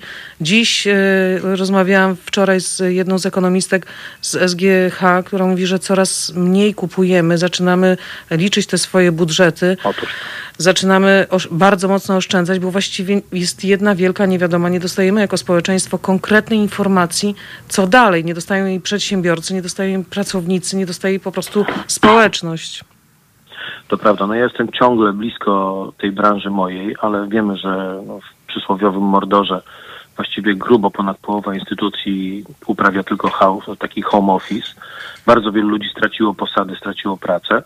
No wczoraj na przykład zamknął się Sobieski, jest ten proces zamykania się zaczął. Wiele hoteli w Warszawie się jeszcze zamknie i przynajmniej do wiosny się nie otworzą. To są dramaty, bo to są grupowe zwolnienia. Tam zostało, wyobraźcie sobie, że zostało po jednym lub dwóch kucharzy w hotelu w Warszawie średnio. To jest koszmar. Szefowie kuchni, którzy pracowali tam dziesiątki lat, wszyscy lecą na bruk. Szukają pracy naprawdę świetni ludzie i są gotowi dziś robić wszystko. Rozkładają na półkach w sklepach towar, jeżdżą w kurierce. Pewnie, że ludzie nie są, są, są w miarę elastyczni, tym im młodszy, tym bardziej elastyczny. Tylko, że no, no dostaliśmy w łeb i tak naprawdę najgorsze jest właśnie to, że wsparcie z rządu płynie stróżką taką jak naprawdę nie tętnica, tylko jak ta zwrotna żyła. I, I właściwie kto się załapie, kryteria ustala się takie, żeby jak najmniej instytucji to dostało. My mamy to na przykład z numerami PKD gdzie rząd jest przekonany, że te święte numery ma, przy czym my obserwując to wiemy, że praktycznie połowa nawet nie ma sensu składać e, wniosków do PFR-u między innymi o inne dofinansowania. Więc wie pani, to są, to są żałosne sytuacje, gdzie jeszcze dowiadujemy się, że wcale rząd nie jest zainteresowany tym, żebyśmy my byli lekkimi ich doradcami. My nie chcemy za to pieniędzy, w przeciwieństwie do doradców, którzy zarabiają tam setki tysięcy. No już raz My chcemy to zrobić tak. za darmo, po to, żeby im pomóc żeby nasi pracownicy czuli się bezpiecznie, bo jak my przetrwamy, to przetrwają nasi pracownicy. Gastronomia to jest taki biznes, że w większości, absolutnie w większości restauracje są prowadzone przez ludzi z sercem. Nie mówię wszystkie niestety, ale bardzo wiele prowadzonych jest z sercem i ja się utożsamiam z moją załogą. Ja też miałem łzy w oczach, jak słuchałem pierwszej wypowiedzi pana premiera, jak nas zamykali, jak mówili o tym niby, niby zamknięciu gastronomii, a naprawdę o lockdownie. I po prostu patrzymy na siebie, przetrwaliśmy ten marzec, kwiecień, maj. No i, no i teraz grozi nam do wiosny, tu nie ma żartów. To my już od półtora miesiąca jesteśmy zamknięci i grozi nam jeszcze pięć takich cudów. Bo co z tego, że rząd powie, że teraz nas zamykają na trzy tygodnie, a na przykład 10 grudnia otwieramy gospodarkę. I co, nagle przyjdą do nas ludzie? Gastronomia zarabia na zysk średnio dwa, jak jest szczęśliwa, trzy, cztery dni w miesiącu, jeżeli jest normalny miesiąc. Takiego w tym roku my w Warszawie nie mieliśmy więc jesteśmy ciągle pod stołem. Ciągle muszę dziadować o czynsz, dziadować o wszystko po to, żeby przetrwać firmę, żeby ją przetrzymać. No to jest dramat. I to jest właśnie wsparcie. My odprowadzamy rocznie, ja nie chcę już mówić ile, setek tysięcy ZUS-u i podatków. I w zamian nie mam najmniejszej poduszki wsparcia od rządu. To jest przerażające. Jak się okazało, że PFR może rozważać będą, że nie musimy zwracać, odzywa się przedwczoraj Urząd Skarbowy, że praw wtedy trzeba będzie zwrócić podatek. Wie pani, to jest naprawdę, to jest karygodne, że ktoś takie rzeczy tak sobie rzuca w przestrzeń z rządu i nic się z tego nie dzieje. Z rządu i instytucji podległych. Już raz w historii słyszeliśmy, że rząd się sam wyżywi, więc e, Oczywiście. Nie, nie chcę myśleć, że, e, że to jest takie właśnie podejście do tak ogromnej i tak ważnej e, gałęzi gospodarki. Panie Jarosławie, codziennie właściwie pytam na antenie Halo Radio, co my konsumenci, bo my jako naród jesteśmy bardzo, bardzo, y, no, potrafimy sobie w takich szczególnych momentach tak. pomagać, natomiast już my, wydaje mi się, że coraz mniej też mamy siły, coraz mniej mamy ochoty. Ta wiosna, ten pierwszy lockdown to była wiosna. Ludzie czekali na wiosnę, że wraz z wiosną coś się zmieni. Teraz, ciepło słońce. Tak. tak, ciepło słońce, że, e, że wróciły, stęskniliśmy się za liśćmi, że wróciły na, na drzewa. W tej chwili mhm. no, pojawia się coraz większy marazm, coraz większa niepewność, ale cały czas mówię, co my konsumenci, my, którzy korzystaliśmy z dóbr e, państwa e, i wiedzy, i, i mm, wyrazistości, smaków, no, talentów, co dzisiaj możemy zrobić? No to, to pan mówił, e, możemy co, założyć petycję online i w waszym imieniu wystąpić do rządu, do jasnej cholery, że tak powiem, proszę, proszę tak. się zająć tą, tą branżą? Na przykład petycje, podpisywać petycje nasze na stronach, na naszych facebookowych y, fanpage'ach i naszych prywatnych i stowarzyszeniowych, ale również oczywiście, kiedy się da wpaść czasem, zadzwonić i kupić od nas. My, my też, wielu kucharzy, ja jestem w dużej opozycji do tego, korzysta ze znanych portali, nie chciałbym wymieniać ich nas, ale wiadomo tak. o czym mowa, nałój i tak dalej i jest tego sporo. Ja wiem, że większość społeczeństwa nie ma bladego pojęcia, że gastronomia, która sprzedaje przez nich, e, musi im oddać 30% wartości produktu, który dostarcza do państwa. Jeszcze tego wy za to płacicie. Więc dodatkowo swoją kwotę od 5 tam do 15 nawet złotych i więcej, jeżeli dalszy przejazd. E, to, to jest dopiero szalbierstwo. My próbujemy to roz, trąbić po gastronomii i po przede wszystkim gościach, żeby dać szansę tym portalom, które mają racjonalne koszty i ceny, a te portale, o których mówię, które reklamują się teraz też w telewizji, to są właściwie bezosobowe fundusze, które trzepią kasę i do widzenia. Oni nie mają żadnych skrupułów, oni się tylko cieszą, jak widzimy czasami artykuły. Dwukrotnie wzrosła sprzedaż. Jeszcze w zeszłym miesiącu, no tak, trzeba rozważyć rabatowanie. Mają w nosie, nachapią się i cześć, lepiej się sprzedadzą, bo fundusze to przecież najgorsze, co może być. Tam się nie uczłowieczone, są odczłowieczone o, w ogóle te projekty. Jeśli... Także tu też próbujemy stworzyć coś nowego, co da ludziom wiadomość. Nie kupujcie przez te portale, bo one łupią gastronomię. Moi koledzy niektórzy głośno mówią, no tak, ale dzięki temu ja mam obrót. Mówię, no tak, to zmień ceny, zmniejsz wszystkie o 30%, to padnę. Mówię, no to przepraszam, gdzie rozsądek? Czy to ja wolałbym gościom polecić, żeby obserwowali swoje restauracje blisko, bo przecież te wszystkie nału wożą między innymi tylko z okolicy, obserwujcie strony restauracji, które mają na wynos. Ja wolę dać wam 15% rabatu, żebyście przyjechali odebrali sami lub po cenie zawieźć do domu. Wolę to zrobić. I na razie podejrzewam, że się zamknę na najbliższe dwa tygodnie po, po tym weekendzie, no bo nie widzę sensu otwarcia, ale po to wędzę, po to robię takie rzeczy, żeby się przyłożyć i zacząć gościom przynajmniej na grudzień sprzedawać jakieś smaki. Chociaż wiem, że za to nie utrzymam nawet jednej dziesiątej firmy, ale po to, żeby żeby map, nie zniknąć z mapy i żeby moi kucharze, moja załoga miała trochę nadziei, że wrócimy. Ilu, Przerażające to jest. Przerażające. E, ile osób e, wzięło z Państwa branży udział w serwowaniu czarnej polewki widelcem dla rządzących? Byliśmy w całej Polsce. To się jednocześnie działo w 18 miejscach pod, pod urzędami lub w innych bardziej widocznych miejscach. Były miejsca, gdzie było tysiąc osób, były miejsca, gdzie było dwadzieścia, gdzie było pięć, tak? No to były, to nie miały być wielkie um, manifestacje, tylko happening. I tak naprawdę to miał być sygnał dla rządu, że jesteśmy, że potrafimy się spotkać wszyscy razem. Teraz jeszcze jak połączyliśmy te siły czterech kolejnych instytucji w sumie, to, to naprawdę, jeżeli, jeżeli rząd nie wykona dobrych ruchów, no to boję się, że strajk kobiet nie będzie tym jedynym w kraju, który naprawdę porwał masy ludzi już i cieszę się bardzo, że młodych ludzi, że nareszcie po 15 latach moich obserwacji widzę młodych, którzy, którzy czują, że mogą coś stracić, tej swojej prywatności, tego swojego normalnego życia, że coś im, wiedzą, że coś im się może zgubić i zabrać. Cieszę się, że oni się w to włączyli. Mam nadzieję, że nie będą musieli się tłuc tak jak lata 70. czy 80., ale, ale mam nadzieję, że rząd wreszcie zrozumie, że jest ten moment przełamania, że jak milion jest na ulicy, to rząd pakuje walizki. Powiem panu, że w, w, piątek słyszałam rozmowę dwóch młodych dziewczyn y, na przystanku tramwajowym. To było tak poruszające, jak e, obie były kelnerkami w, e, właśnie w, w jednej z restauracji.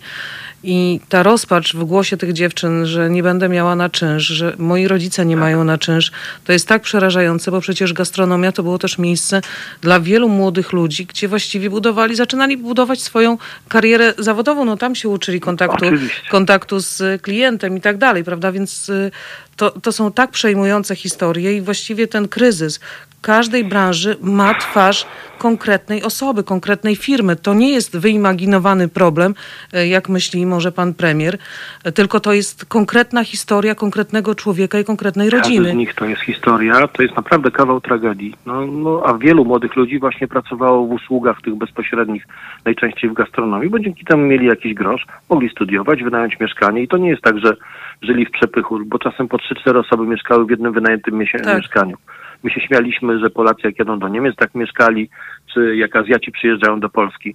To niech sobie szanowne społeczeństwo, które popiera takie, takie działania rządu, jak, jak popiera, niech rząd zrozumie, że tak się dzieje w Polsce, że Warszawa jest zasypana takim mieszkaniem. Dlaczego teraz padły mieszkania? Po pierwsze nie ma studentów, po drugie ten rynek się zaraz zarwie całkowicie. Także zaraz i deweloperka dostanie po głowie. Bo to się utrzymało latem jeszcze jakimś rozpędem, a to nie wytrzyma długo.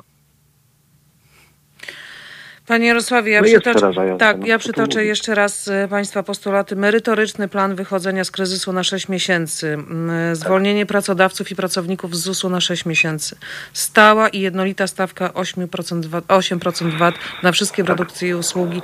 Fundusz wsparcia gastronomii. Tarcza anty, antykryzysowa dla gastronomii. To i zniesienie mhm. ograniczeń czasowych otwarcia wszystkich e, lokali. Ja mam nadzieję, że te apele z różnych stron płynące z Państwa środowiska dzięki dzięki e, też zaangażowaniu medium, no w końcu, mediów w końcu dotrą do, do, do rządzących. Bardzo tego sobie życzymy. E, napisał tu jeden z naszych widzów, dlaczego nieruchomości mają paść? Nie mówię, że mają paść, tylko wiadomo, że rynek nieruchomości napędzany jest zakupem, tak? Popytem. I w momencie, gdy przejeżdżamy przez centrum konferencyjne, znaczy właściwie biurowe w Warszawie, przy Domaniewskiej w tym rejonie, które już się wypróżnia i doskonale o tym wiedzą niektórzy. Część się zamieszka, zamienia na mieszkania, przenieśli się na towarową. Ja widzę moje klocki z tyłu za Centrum Olimpijskim, których część budynków już jest praktycznie pustych. I, I znam wiele takich miejsc w Warszawie, gdzie biurowcy, które mają po 10-15 lat, pustoszeją. To się za chwilę przeniesie na rynek pracy, y, na rynek mieszkań tego rynku budowlanego, dlatego że po co ktoś ma przyjechać do Warszawy, skoro tu nie będzie pracy? Tak. Tylko takie pytanie. I to jest klucz. Jeżeli ekonomia spada, jeżeli pani sama zauważyła, że ludzie zaczynają liczyć pieniądze, że już się nie rzucają na telewizory, na samochody jeszcze tak, ale to jeszcze jest flota i to są pozostałości lata i nadziei tego, że we wrześniu się bujnęło trochę niektórym, więc dlatego ta flota poszła. Uczciwie w sklepach, no kto chodził? Ja bardzo rzadko wchodziłem do centrów handlowych w tym roku, ale żeby wejść kupić spodnie, ja czasami byłem sam w sklepie albo były dwie, trzy osoby w dużych sklepach. Także to mówi jaki jest stan w tej chwili portfela ludzi. I dlatego twierdzę, że nie twierdzę, bo nie jestem ekspertem budowlanym ani rynku nieruchomości, ale widzę, co się dzieje. Widzę, jaka jest, jaki jest popyt w tej chwili na wynajem mieszkań. No tak, mówimy, to, tak, mówimy o wynajmie mieszkań, natomiast y, jest jeszcze y, rynek inwestycyjny, w którym to no, właściwie trzymanie pieniędzy na lokatach dla tych, którzy je mają, Oczywiście. Y, jest bezsensowne, dlatego inwestują też w rynek nieruchomości. Lepiej jakby... kupić trochę złota, kamienia albo zwyczajnie kupić mieszkanie, bo ten rynek się do końca nie załamie. To mieszkanie nie straci całkowitej wartości coś pieniądze na koncie, jeżeli mamy za chwilę dopłacać do tych rachunków. A to jest paradoksalne. Gdy chcę wziąć kredyt w banku, taki normalny na cokolwiek konsumpcyjny, często to już jest 12% nawet.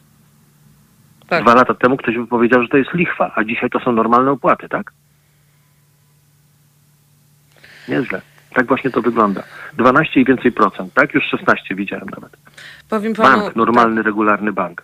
Powiem panu, panie Jarosławie, że nie mam e, sumienia w, e, pytać pana o jakiś, że to byłby chyba duży nietakt o najprostsze najprostsze danie na 11 listopada byśmy mogli jakoś solidarnie świę, świętować e, i nie wychodzić e, na, na ulicę, zwłaszcza, że na tej ulicy... kaczka albo gęś. No to proszę. Przyprawa pięć smaków, jeżeli już ktoś chce ją zrobić, nie zrobi jej samemu, tylko sobie tak po prostu jej użyć. Trochę do niej dołożyć pieprzu, takiego normalnego, czarnego, młotkowanego. Jabłko i szara reneta albo inne trochę kwaskowe jabłko, jabłko, pomarańcz i szara reneta, mniej więcej pół na pół. Jabłko i renetę pokroić, wyciąć oczywiście. Yy, z pomarańczy nic nie wycinamy, go kroimy w kawałki. Z jabłka wycinamy gniazda nasienne, kroimy sobie na 6, na 8, na ile chcemy kawałków. Dodajemy tam czosnek i majeranek, po to, żeby mieć ten polski klimat trochę i to pakujemy w gąskę bądź kaczkę. E, świetnie, jeżeli mamy czas i zrobić to chcemy jutro rano na przykład upiec kaczkę, to dziś już ją kupmy i włóżmy ją w solankę, taką 10-12% solankę z liściem i zielem. Przygotowana woda, ostudzona z solą mniej więcej 10%. Jutro ją wyjmiemy, natrzemy tą przyprawą, potem natrzemy oliwą z oliwek i włożymy do pieca. 150 stopni na 3 godziny. Kaczka będzie pyszna, a gęś będzie przepyszna. I po co kombinować? No i mamy, mamy danie niepodległościowe na, na jutro, y, żeby spędzić w najbliższym gronie y, ten, ten czas i rozsmakowywać się przepisem Jarosława Uścińskiego, wybitnego polskiego szefa y, kuchni. Oj. Panie Jarku, bardzo serdecznie dziękuję za, za rozmowę, za e, udział w ja naszej dziękuję. audycji. Mam nadzieję, że do rychłego e, usłyszenia i zobaczenia. Z bardzo tak, zdrowia i z, do, z dobrymi wieściami. Mam nadzieję, że ten głos zostanie w końcu usłyszany przez polskich włodarzy. Dziękuję serdecznie. Proszę Państwa, a my za chwilę porozmawiamy, połączymy się z panem Rafałem Sonikiem, e, przedsiębiorcą, ale też i znanym e, sportowcem i będziemy wciąż kontynuować ten e, temat, który dziś jest tematem wiodącym naszej audycji to jest e, gospodarka na wynos jakie ma to konsekwencje dla poszczególnych branż. Wczoraj rozmawialiśmy z twórcami kultury. E, to było przerażające, kiedy aktorki, aktorzy mówili o tym, że dziś e, właściwie pozamykana, zamknięta kultura w czasie pandemii, czy pandemia w kulturze, już trudno o tym mm, jakby rozdzielać te dwie, mm, te, te dwie historie. Zajmujący ludzie, którzy muszą zmieniać swoje zawody, bo nie ma żadnej pewności, że będą mogli wrócić na, na deski e, teatrów czy, czy do seriali. Zajmują się opieką nad dziećmi, są kurierami. Dziś słyszymy od pana Jarosława Uścińskiego, że to samo dotyczy to wykwalifikowanej kadry, e, którzy do tej pory byli zatrudniani jako szefowie kuchni, jako pomoc e, w, w kuchni najlepszych, w najlepszych restauracjach, najlepszych hotelach w Polsce. No jest to bardzo przejmujące, jest to bardzo dojmujące i jest tym bardziej przykre, że ten głos y, poszczególnych środowisk jest bagatelizowany przez rządzących. Tak jakby e, między społeczeństwem a rządzącymi była ogromna ściana, e, taki ekran wygłuszający, przez który nic do polskich władz nie dociera. Zostańcie Państwo z nami już za chwilę łączeni z panem Rafałem Sonikiem. Halo Radio. Pierwsze medium obywatelskie.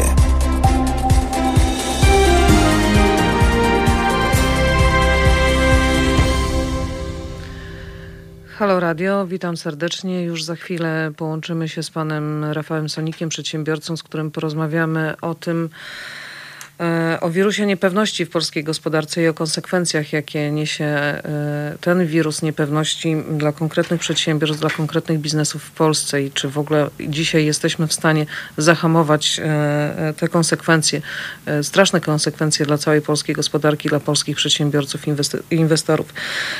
Panie Rafale, czy się słyszymy? Tak, słyszymy się dobrze.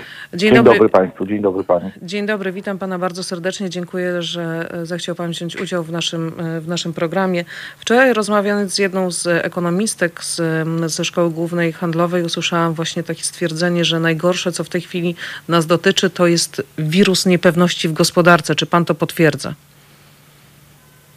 Oczywiście żyjemy tym wirusem od niemal początku roku i kiedy już mniej więcej we wrześniu wszyscy mieliśmy nadzieję, że poziom niepewności powolutku opada, nastąpiło na przełomie września i października zupełne załamanie, które się teraz pogłębia.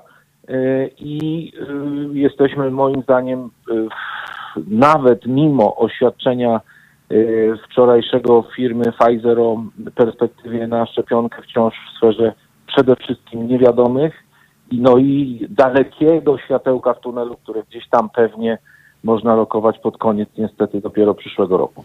Ale jest sytuacja tu i teraz. Y, galerie handlowe zostały zamknięte y, i i właściwie jakie to będzie miało konsekwencje, bo przecież e, ten pierwszy etap lockdownu wymagał od państwa ogromnych nakładów, by zapewnić to bezpieczeństwo e, ludziom, którzy właśnie korzystają z e, usług, którzy wybierają właśnie galerię do tego, by zrobić zakupy, by spędzić czas, bo to nie tylko miejsce zakupów, ale to też miejsce jakieś społeczne, prawda? Tam są też kina, więc to jest też oferta kulturalna. Przede wszystkim y, y, kilkaset obiektów handlowych na terenie Polski, galerii handlowych i tych dużych obiektów, wszędzie praktycznie, gdzie e, monitorujemy, przez te kilka miesięcy od 4 maja do e, przełomu września i października i e, wykonało gigantyczną pracę. Wydaliśmy prawie pół miliarda złotych w, w skali kraju na zabezpieczenia covidowe, na wprowadzenie restrykcji, obostrzeń, na wprowadzenie procedur środków dezynfekcyjnych, wyszkolenie personelu zarówno sklepów, jak i e, poszczególnych e, obiektów, obsługujących obiekty. E, wszyscy pracownicy się obiektów i sklepów nauczyli, jak to robić, żeby i oni sami, i klienci byli bezpieczni. Proszę zwrócić uwagę, najlepszym tego przykładem niechby było to, że przez te wszystkie miesiące od marca, ale w każdym kolejnym, przecież media śledzą y, powstające ewentualne ogniska zakażeń. Wszyscy słyszeliśmy o ogniskach zakażeń w domach opieki społecznej, wszyscy słyszeliśmy o ogniskach zakażeń y, w kopalniach choćby. Czy ktokolwiek w handlowym lub galerii? Nikt. Od 4 maja, kiedy te obiekty zostały otwarte. Dlaczego? Dlatego, że błyskawicznie w ciągu pierwszych kilku, kilkunastu dni po y, zakończeniu wiosennego lockdownu y, wszystkie obiekty były gotowe i przygotowane do y, bezpiecznej obsługi klientów. Wykonano gigantyczną pracę i teraz jesteśmy w sytuacji, kiedy zarówno nasi najemcy, handlowcy, którzy przecież muszą sprzedawać, żeby, żeby płacić pensje, żeby płacić podatki, żeby, żeby przetrwać, żeby zamówić następną kolekcję. Na, e, firmy handlowe zabezpieczają swoje finansowanie towarem. Jeśli ten towar jest sprzedany, zrealizowana jest marża, to mogą obsłużyć swoje finansowanie. A jeżeli nie jest sprzedany, bo sklepy są zamknięte i działa tylko w jakimś niewielkim zakresie handel elektroniczny niewystarczający do tego, żeby zapewnić firmom obrót, no to w jaki sposób mogą utrzymać płynność? Nie będą w stanie utrzymać płynności. Podobnie galerie są e, niestety też niezamknięte, wbrew temu, co się po, po, powszechnie uważa, tylko w tych galeriach działają e, sklepy spożywcze, działają apteki, działają drogerie, działają niektóre punkty usługowe, te, które zgodnie z e, rozporządzeniem pana premiera sprzed kilku dni mogą działać, a przecież utrzymać trzeba całą galerię. Korytarze muszą być oświetlone, sklimatyzowane, e, obiekt musi być chroniony, sprzątany, a więc ponosimy koszty za wielokrotnie większy obiekt, już nie wspominając o podatkach i obsłudze e, rad kapitałowo-cetkowych, niż ta część, która może działać. Na dodatek jest to moim zdaniem no, zupełny niestety muszę użyć słowa absurd, bo przecież y, ludzie, którzy są już mocno podminowani, już psychicznie dość złych nastrojach, już dochodzi do y, o wiele większej ilości awantur, kłótni w małżeństwach, w związkach, dochodzi do, do o wiele większej ilości rozwodów, problemów z dziećmi, dochodzi do coraz większej liczby samobójstw okazuje się, że ludzie nie mają tego wentyla dla emocji. To nie jest dzisiaj być może pierwszoplanowa sprawa w ciągu tego tygodnia, ale za chwilę będzie. Za chwilę okaże się, że ludzie zamknięci w małych mieszkaniach, w blokach, y, na, dużych osiedlach, którzy nie mogą nawet wyjść jesienią w ponury dzień i zrobić sobie choćby małej przyjemności w y, y, lokalnej galerii, które są już praktycznie biorąc wszędzie, że ci ludzie będą w o wiele gorszym stanie psychicznym. I o tym się nie mówi ani słowa, a to wielki błąd. Panie Rafale, ale czy te argumenty nie trafiają do rządzących? Bo jeśli pan podaje, e, zresztą obserwujemy to od samego początku pandemii, e, jakby te miejsca, gdzie, które były mm, ośrodkami zakażeń, czyli wesela, e, pogrzeby, no, domy opieki społecznej, te zakażenia były w, w kościele w czasie, w czasie mszy, też się zdarzały, bo ksiądz z jednej parafii do drugiej parafii przejeżdżał tego nie było w, w galeriach. Czy ten argument w ogóle trafiał do, do rządzących? Bo przecież to jest właściwie pierwszorzędny e, argument. Mimo tego, że e, rosła skala zakażeń e, w ciągu ostatnich kilku tygodni, my byliśmy świadomi zarówno w organizacji, w Polskiej Radzie Centrów Handlowych, w organizacji polskich właścicieli obiektów handlowych, że nie jesteśmy żadnym generatorem ryzyk. Proszę sobie wyobrazić, że w y, y, galeriach zrzeszonych w naszym jednym związku pracuje 30 tysięcy ludzi. I wśród tych 30 tysięcy ludzi e, stwierdzone przypadki COVID-u od maja to jest, uwaga, jedna setna procenta. Czyli jedna setna procenta pracowników zakaziła się COVID-em od maja. A więc my byliśmy przekonani do ubiegłego tygodnia, że galerie handlowe świecą przykładem. Zresztą parę miesięcy temu, jeszcze e, w czasie, kiedy mm, e, pani e, wicepremier Emilewicz odpowiadała za Ministerstwo Rozwoju, mieliśmy taką konferencję, wideokonferencję z panem premierem Morawieckim, właśnie z ministrem zdrowia, z panią wicepremier Emilewicz i dyskutowaliśmy o tym, jak najszybciej możemy wdrożyć e, e, obostrzenia i, restrykcje związane z bezpieczeństwem klientów. I my te wszystkie obostrzenia wdrożyliśmy. Proszę Państwa, my poszliśmy o wiele dalej. Galerie, wszystkie punkty, wszystkie miejsca, które klienci dotykają, e, poręcze trawalatorów, schodów ruchomych, windy, toalety, korytarze wspólne, to wszystko było non-stop dezynfekowane. Ozonowaliśmy powietrze, kupiliśmy przeróżne urządzenia, żeby zachować najwyższą jakość przecież w końcu sporych przestrzeni. Więc my byliśmy w zasadzie przekonani, że do tego lockdownu nie, nie dojdzie, dojdzie jeszcze do, do połowy ubiegłego tygodnia. Nikt z nas, widząc, że y, te ogniska, tak jak pani powiedziała, są w różnych miejscach, ale nigdy nikt nie stwierdził żadnego ogniska w jednej setki galerii w Polsce, choćby jednej.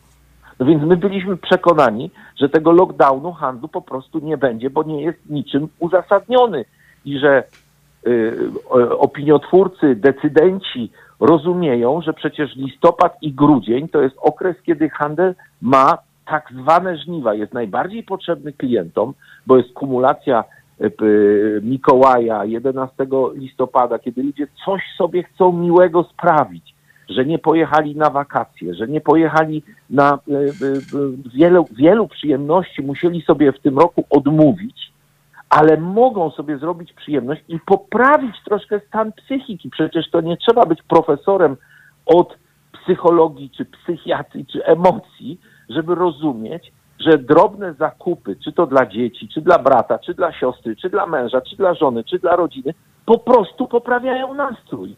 I teraz mamy jesień, potencjalne żniwa dla y, handlowców, którzy ucierpieli, tak samo jak właściciele galerii, bardzo już wiosną i nagle lockdown, mimo że jesteśmy bezpieczni. No, uczciwie mówiąc, to, to, to ręce opadają.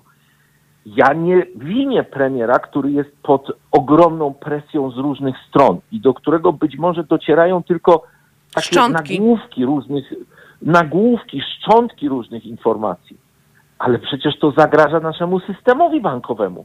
Jak powiedziałem, znakomita większość detalistów i to w każdej skali, od najmniejszych do największych, zabezpiecza finansowanie, kredyty towarem. i oni ten towar powinni teraz sprzedawać, a klienci go potrzebują kupić, żeby w trudnych czasach zrekompensować sobie choć trochę, no, skraj depresji w wielu przypadkach. Ale ten, ten... Proszę, zwrócić, proszę zwrócić uwagę, przez ostatnich parę miesięcy, od wiosny, zaskoczyło nas to, w jakiej skali Polacy kupują e, e, produkty wykończenia mieszkań, tak. wyposażenia wnętrz, e, drobiazgi do wnętrz, do mieszkań.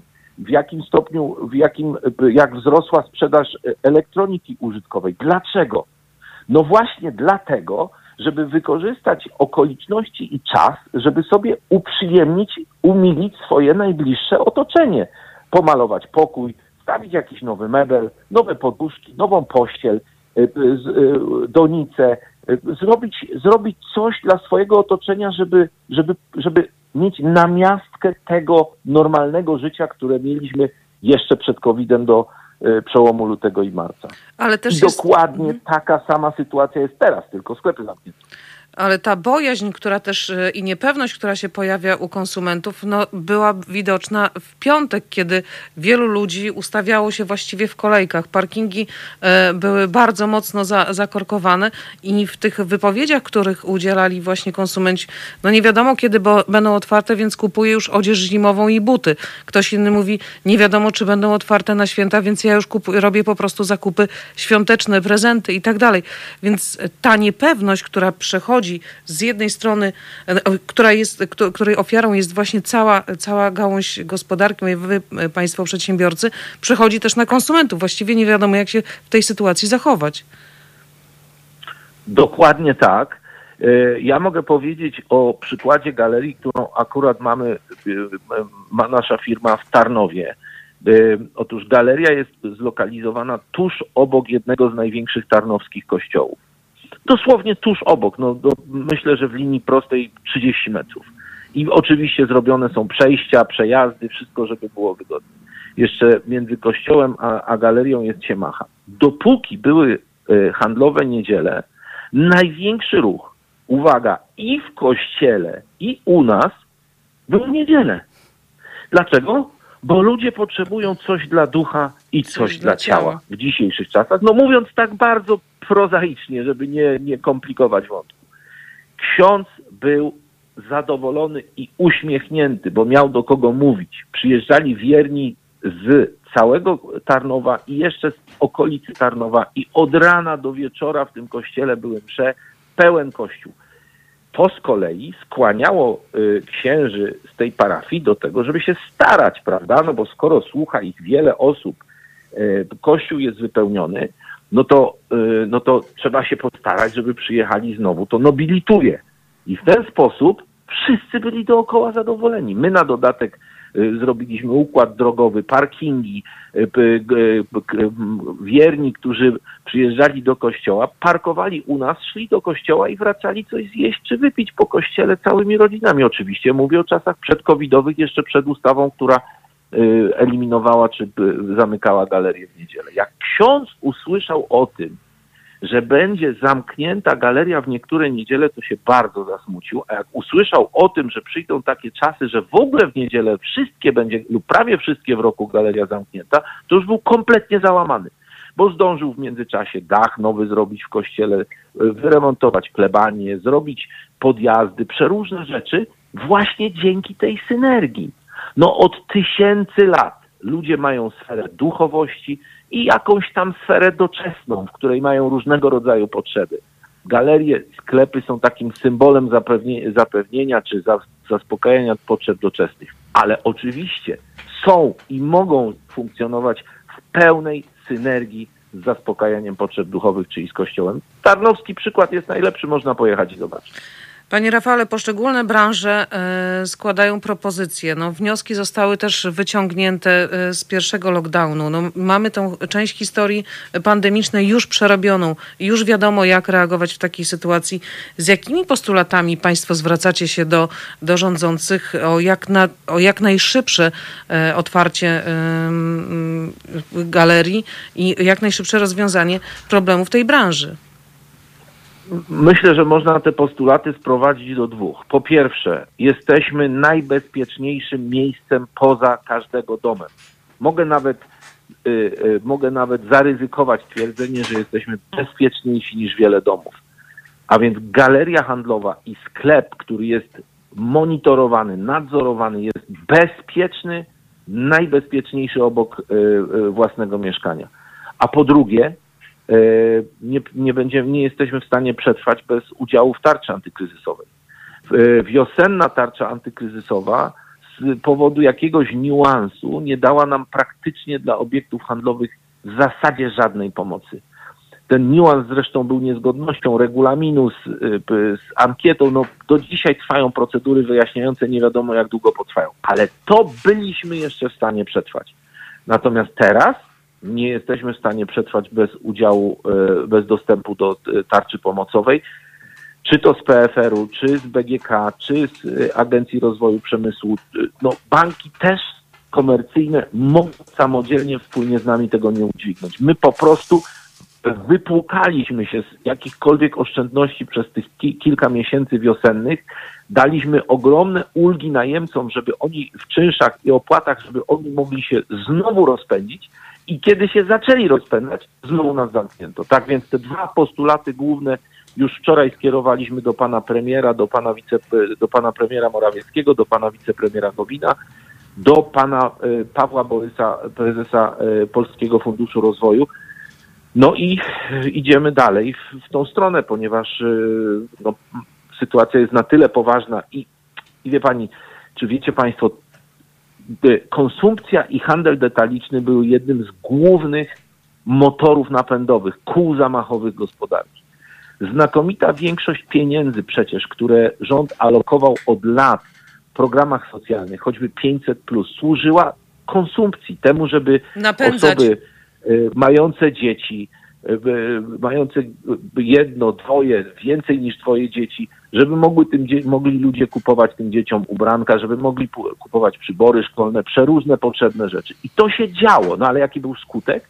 Że ten, to koło zamachowe konsumpcji bardzo się rozpędziło. No i cała infrastruktura przecież ogromna, która w ciągu tych lat powstała, ile mamy nowoczesnych obiektów handlowych, nowoczesnych galerii, ile jest jeszcze tych obiektów handlowych w budowie. Wszystko to było konsekwencją rozpędzenia przez kolejne rządy tej, e, tego koła konsumpcji, które ma tą dobrą stronę niewątpliwie, że rozwija gospodarkę, no i drugą dobrą stronę, że też pokazuje ludziom, że mogą w ciągu kilku, kilkunastu lat swojego życia rzeczywiście zmienić standard swojego życia na radykalnie lepszy. To już nie są małe fiaciki, to już nie są jakieś stare skody czy zastawy. Mało kto ma dzisiaj telewizor kineskopowy, mało kto nie ma komórki i tak dalej, i tak dalej. No ale konsekwencja jest taka, że nie można wyhamowywać później takiego y, rozpędzonego y, cyklu konsumpcji w jednym momencie, na przykład lockdownem, bo to oznacza, że setki tysięcy ludzi dzisiaj mogą tracić pracę. Dziś, jutro, każdego dnia, że setkom tysięcy ludzi obcina się i to o 50-80% wynagrodzenia i nie wiadomo, co będzie za miesiąc. Że setki tysięcy przedsiębiorców zatrudniających miliony ludzi w Polsce dzisiaj, tak jak to było y, na początku naszej rozmowy, drżą o każdy kolejny dzień. Ja wczoraj słyszałem o kilku samobójstwach wśród szerokiego grona e, przedsiębiorców, z którymi poprzez organizacje biznesowe e, mamy kontakt. To jest niebywałe. Ludzie są pod taką presją psychiczną, że każdy element, który im tę presję zmniejszy, powinien być natychmiast albo najszybciej, jak się da, wprowadzony. Rozumiemy, że służba zdrowia jest przeciążona. Doskonale to rozumiemy. Ale nie jesteśmy, żaden, nie ma żadnego stwierdzonego przypadku, żeby obiekty handlowe, te największe, te średnie i te mniejsze, były ogniskami koronawirusa, a więc nie jesteśmy zagrożeniem dla ilości zakażeń. Myśli pan, że dzisiaj jednym z większych problemów y, społecznych to jest brak zaufania właśnie do tego, co, y, co robi władza? Że straciliśmy po prostu zaufanie. Były takie badania robione y, w czasie pierwszego lockdownu, że, e, że to zaufanie było nadszarpnięte, a w tej chwili trudno, z kim się nie rozmawia, z jakiejkolwiek e, branży, wszyscy mówią, że najgorsze jest to, że te decyzje są podejmowane właściwie ad hoc, bez żadnego, e, bez żadnego dialogu, bez żadnej konsultacji, że żadne argumenty racjonalne, logiczne nie trafiają. Po prostu z godziny na godzinę okazuje się, no przykład tych sklepów meblarskich jest chyba wybitnym przykładem pokazania całej tej sytuacji. Proszę panią, słucham, słucham, słucham jak pewnie każdy lub prawie każdy przedsiębiorca, słucham po nocach powtórki wypowiedzi różnych y, y, osób mających wpływ na, na bieżącą politykę w Polsce. Y, w szczególności oczywiście interesuje mnie polityka zdrowotna w relacji z gospodarką, prawda? To oczywiste. E, I mogę zestawić dwie wypowiedzi. Wypowiedź e, pana premiera Gowina, który takim niepeł, niepewnym, takim, takim załamującym się wręcz głosem mówił o tym, że prowadzi konsultacje z branżą meblarską, że być może jeden klient na x metrów kwadratowych mógłby wejść, żeby te sklepy były otwarte, bo branża meblarska jest bardzo ważna w Polsce. I on to mówił z takim, z takim, z takim strachem, z taką jakąś, z taką jakąś, z taką jakąś ogromną obawą, że on może mówi o czymś, czego trzeba się bać co, co, co ludzie mogą odebrać, a szczególnie współrządzący mogą odebrać jako akt jakiejś niebywałej odwagi, że on ma odwagę mówić o tych sklepach meblowych, że może one mogłyby działać. Odwagi, panie premierze. Słucham dosłownie po 15 minutach wypowiedzi e, głównego doradcy rządu e, do spraw e, epidemii i służby zdrowia, pana profesora Horbana, który pewnym głosem mówi, że należy natychmiast zamknąć gospodarkę na miesiąc albo dwa całkowicie. I nie mówi w ogóle, dlaczego poszczególne działy gospodarki miałyby być zamknięte. Bo w jego głowie, z którą absolutnie szanują, on, szanuję, ja nie jestem profesorem, on jest profesorem od zdrowia, ale w jego głowie zamknięcie gospodarki to jest jak zamknięcie drzwi. No jak się zamknie drzwi i, i y, kluczyk przekręci, to nikt nie wejdzie. Tak jest. To tylko co to w praktyce oznacza? No w praktyce oznacza to moim zdaniem po pierwsze, że zamknięcie gospodarki spowoduje recesję w skali, której sobie nie potrafimy wyobrazić. No, nie potrafimy sobie wyobrazić. Y, I po drugie spowoduje y, falę upadku emocji, czyli pesymizmu ludzi i konsekwencji tego pesymizmu do potwornych problemów psychicznych, zabójstw, samobójstw i to masowych problemów na ogromną skalę, no ja pytam, okej, okay, panie profesorze, a wziął pan te dwa czynniki choćby pod uwagę? Y, na co oczywiście w dyskusji, którą mieliśmy wczoraj wieczorem y, w gronie kilku przedsiębiorców, pada taki głos, no ale słuchajcie, przecież zdrowie ważniejsze. Ale pada drugi głos. No a psychiczne czy fizyczne? Bo chyba obydwa są nie mniej ważne, prawda? Ludzie wariują w domach. Ludzie już wiosną mieli ogromne problemy. Wśród moich znajomych pięć albo sześć związków rozpadło się po wielu latach małżeństw właśnie wiosną i latem tego roku w wyniku problemów gospodarczych wiosennych i w wyniku lockdownu wiosennego. Więcej powiem, ryzykujemy recesją, której sobie nawet profesor Horban, mam wrażenie, nie potrafi wyobrazić, bo nasz kapitalizm, nasza gospodarka rynkowa ma 30 lat, a gospodarka rynkowa państw, na których metody walki z koronawirusem, jak Belgia, Holandia, Anglia czy Francja się powołujemy, czy Niemcy, tam gospodarka rynkowa ma 300 lat, a u nas gospodarka rynkowa ma 30 lat. Więc jakie są zasoby takich państw, które mogą sobie ewentualnie na lockdown części, czy nawet w skrajnej sytuacji całości gospodarki kilkutygodniowy pozwolić, a jakie są nasze zasoby? Przy zerowych niemalże stopach procentowych i masowym zaprzestaniu obsługi e, długu. Mówiłem wcześniej o przykładzie firm, de, firm detalicznych, e, ale przecież to samo dotyczy restauracji, hoteli, no, no biznesów. I teraz e, galerii handlowych i ich klientów, najemców, no ja nie jestem pewien, czy system bankowy w ogóle jest w stanie przetrwać w przypadku całkowitego lockdownu gospodarki przez wiele tygodni. Więc uczciwie mówiąc, wracając do, do tego porównania, tego, tego bojaźliwego, mimo szczerych chęci oczywiście, głosu pana premiera Gowina i tego pewnego, mocnego głosu pana profesora Horwana, no to ja przede wszystkim e, widzę nierównowagę sił między tymi, którzy potrafią obronić e, e, rzetelną wiedzę o potrzebach gospodarki i tym, jak sterować ograniczeniami w gospodarce, żeby nie doszło do dramatycznej recesji, a tymi, którzy rozumieją, i powtarzam to jeszcze raz, z pełnym szacunkiem to mówię, rozumieją stan napięcia i naprężenia, w jakim jest służba zdrowia, być może na ostatnich nogach obecnie. Wielu e, ekspertów już zaczyna mówić o tym, że to będzie, tak, będzie to bardziej dotkliwe e, niż przejście z systemu komunistycznego do wolnej Polski.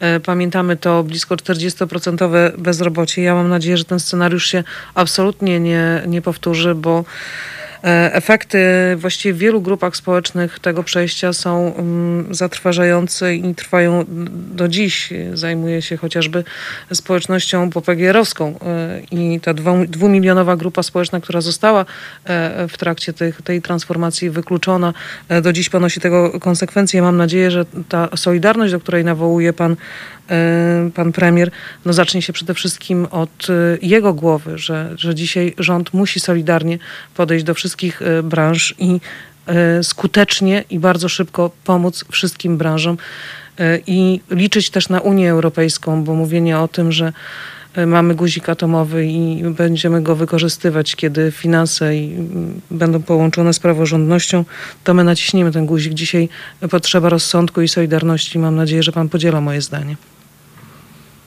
Ja przede wszystkim staram się y, w najmniejszym możliwym stopniu dotykać zjawisk stricte politycznych i, i, oczywiście jak każdy obywatel Unii Europejskiej, jak każdy przedsiębiorca unijny liczę na to, że y, będziemy y, uczestniczyć zarówno w tym mechanizmie rozdziału czy dystrybucji szczepionki, czy każdego rodzaju szczepionki, która powstanie, każdego rodzaju leku, który powstanie, jak również wszelkiego rodzaju programów pomocowych czy subwencji. Nie wyobrażam sobie tutaj jakiejś strzelaniny e, czy, politycznej, czy, czy e, jakiej, jakiejkolwiek politycznej strzelaniny. I uwaga, może powiem coś niepopularnego, ale słucham uważnie wypowiedzi pana premiera i te fragmenty, które mówią o solidarności, o potrzebie wsparcia, kupuję i chcę w nie wierzyć. Chcę wierzyć w to, co mówi w bardzo wielu fragmentach pan premier. Y, chcę wierzyć w to, że y, y, rząd dba o to, żebyśmy mieli dostęp do szczepionki. Chcę wierzyć w to, że rząd racjonalnie podchodzi do negocjacji z Komisją Europejską w sprawie mechanizmów pomocowych dla Polski i też udziału w unijnym budżecie pomocowym. Chcę wreszcie wierzyć w to, że pan premier słucha przedsiębiorców i nie tylko pana wicepremiera, który być może powinien mówić jednak mocniejszym głosem, ale również przedsiębiorców, którzy od dwóch pokoleń, od lat 80. tworzyli polskie PKB. Polski produkt narodowy tworzyli, tworzyły miliony ludzi solidnie pracujących, na co dzień kierujących się, moim zdaniem, jednym z najwspanialszych jedną z najwspanialszych wartości we współczesnym świecie etosem pracy. Polacy zmieniali i zmieniają swoje życie poprzez codzienną, uczciwą, porządną pracę. Mówię oczywiście o znakomitej większości, bo bywają różni ludzie.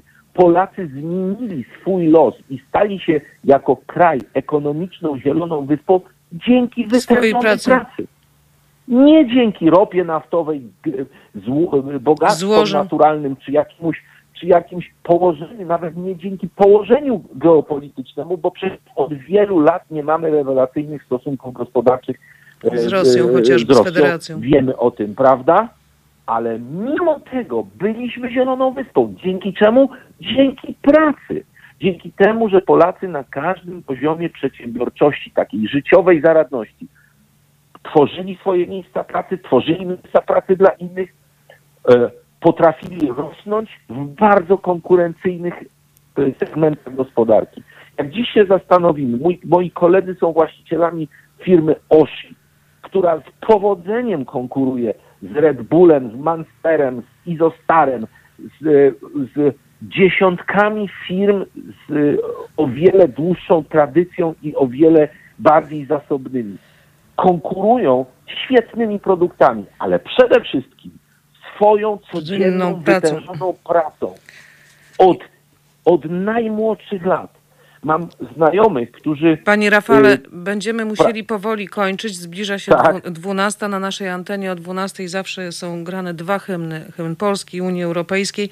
Bardzo panu serdecznie dziękuję za, za tę rozmowę, za wiedzę, którą się y, pan z nami y, podzielił. Liczymy na to, że priorytetem, tak jak mówił pan premier wielokrotnie, będą przedsiębiorcy, gospodarka i pracownicy. Dziękuję serdecznie i do usłyszenia. Mam nadzieję, że już nie. Dziękuję, Dziękuję do widzenia. Państwu. Dziękuję. Do usłyszenia.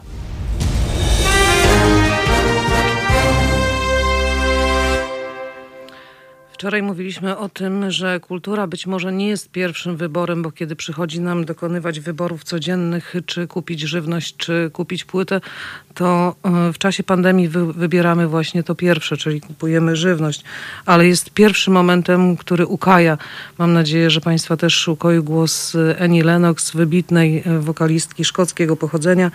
Dodam też wspaniałej działaczki społecznej, bowiem Annie Lennox od wielu, wielu lat, od 2007 roku jest bardzo mocno zaangażowana zaangażowana w taki ruch Sing Campaign, e, który ma na celu walkę z AIDS w Afryce. Mm, to była Eni Lennox, Piotrze, dzisiaj z Piotrem, realizatorem, wspólnie jesteśmy z Państwem.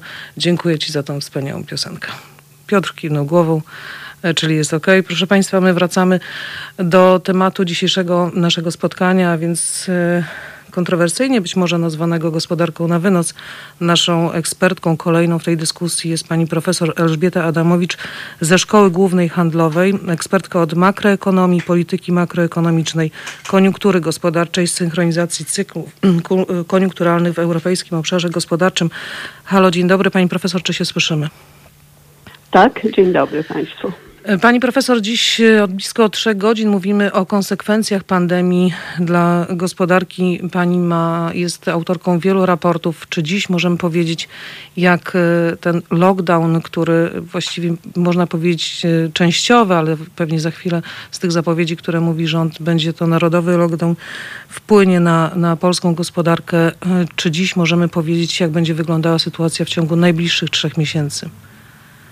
Tak, jest to bardzo dobry moment. Mamy bowiem wyniki badania koniunktury na czwarty kwartał bieżącego roku. Myślę, że to są najbardziej aktualne dane dotyczące stanu gospodarki. I jaki ten stan gospodarki jest? Jaki jest stan e, polskiego zatrudnienia? Jaki jest stan konsumpcji? Bo e, to jest też ważny wskaźnik. Wzdycham, wzdycham ciężko, bo e, no niestety stan się zdecydowanie pogarsza już na samą zapowiedź ponownego zamknięcia gospodarki. Zresztą nawet na to, co się działo w ciągu ostatniego miesiąca. Gospodarka zareagowała bardzo negatywnie i bardzo szybko negatywnie. Najgorsze miesiące do tej pory dla gospodarki polskiej to były maj, kwiecień przepraszam, marzec, kwiecień. W maju, czerwcu obserwowaliśmy pewną poprawę. Nawet we wrześniu widać było wzrost aktywności przedsiębiorców. Niestety w październiku nie ma śladu po, po, po, te, po tym wzroście. Znowu mamy do czynienia z osłabieniem aktywności gospodarczej i wspomniała Pani o tym, że zawsze kupimy jakieś, jakieś jedzenie, prawda? Z tych naszych wskaźników wynika, że bardzo zmniejszył się popyt właśnie na dobra konsumpcyjne, zwykłe, nietrwałe dobra konsumpcyjne zaspokajające nasze potrzeby żywnościowe. Czyli nawet nie ma tej fali takiego boomu na sklepów, żeby zrobić zapasy na jeszcze gorsze miesiące. Co to może oznaczać e, za 3-4 miesiące Pani zdaniem? Czy to już jest pierwszy sygnał do tego, że e, na rynku pracy przybywa coraz więcej bezrobotnych i to jest dosyć duża fala, e, o której dziś możemy już mówić? Tak, tak. O ile w tych pierwszych miesiącach, w pierwszym etapie lockdownu przedsiębiorcy bardzo ostrożnie reagowali na zmiany zatrudnienia. W tej chwili znowu po raz pierwszy pojawił nam się sygnał w naszych badaniach o spadku zatrudnienia. Na razie o spadku zatrudnienia mówią tylko firmy prywatne ale zapewne w następnym miesiącu, bo zwykle taka jest y, odstępstwo czasowe w reakcji, powiedzą także o tym firmy publiczne. Także zatrudnienie się zmniejsza. No i mamy także wyniki badania gospodarstw domowych. W gospodarstwach domowych narastają obawy przed bezrobociem. Pogarszają się ich nastroje i najbardziej właśnie zwiększyły się obawy przed bezrobociem.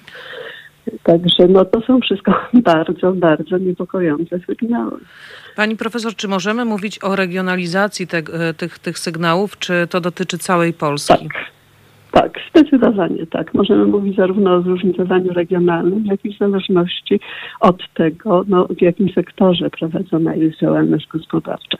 Mówiłam o dobrach, o dobrach konsumpcyjnych, yy, tych podstawowych, ale naprawdę ze wszystkich producentów w przemyśle przetwórczym najlepiej sobie do tej pory radziły firmy produkujące dobra konsumpcyjne trwałego użytku.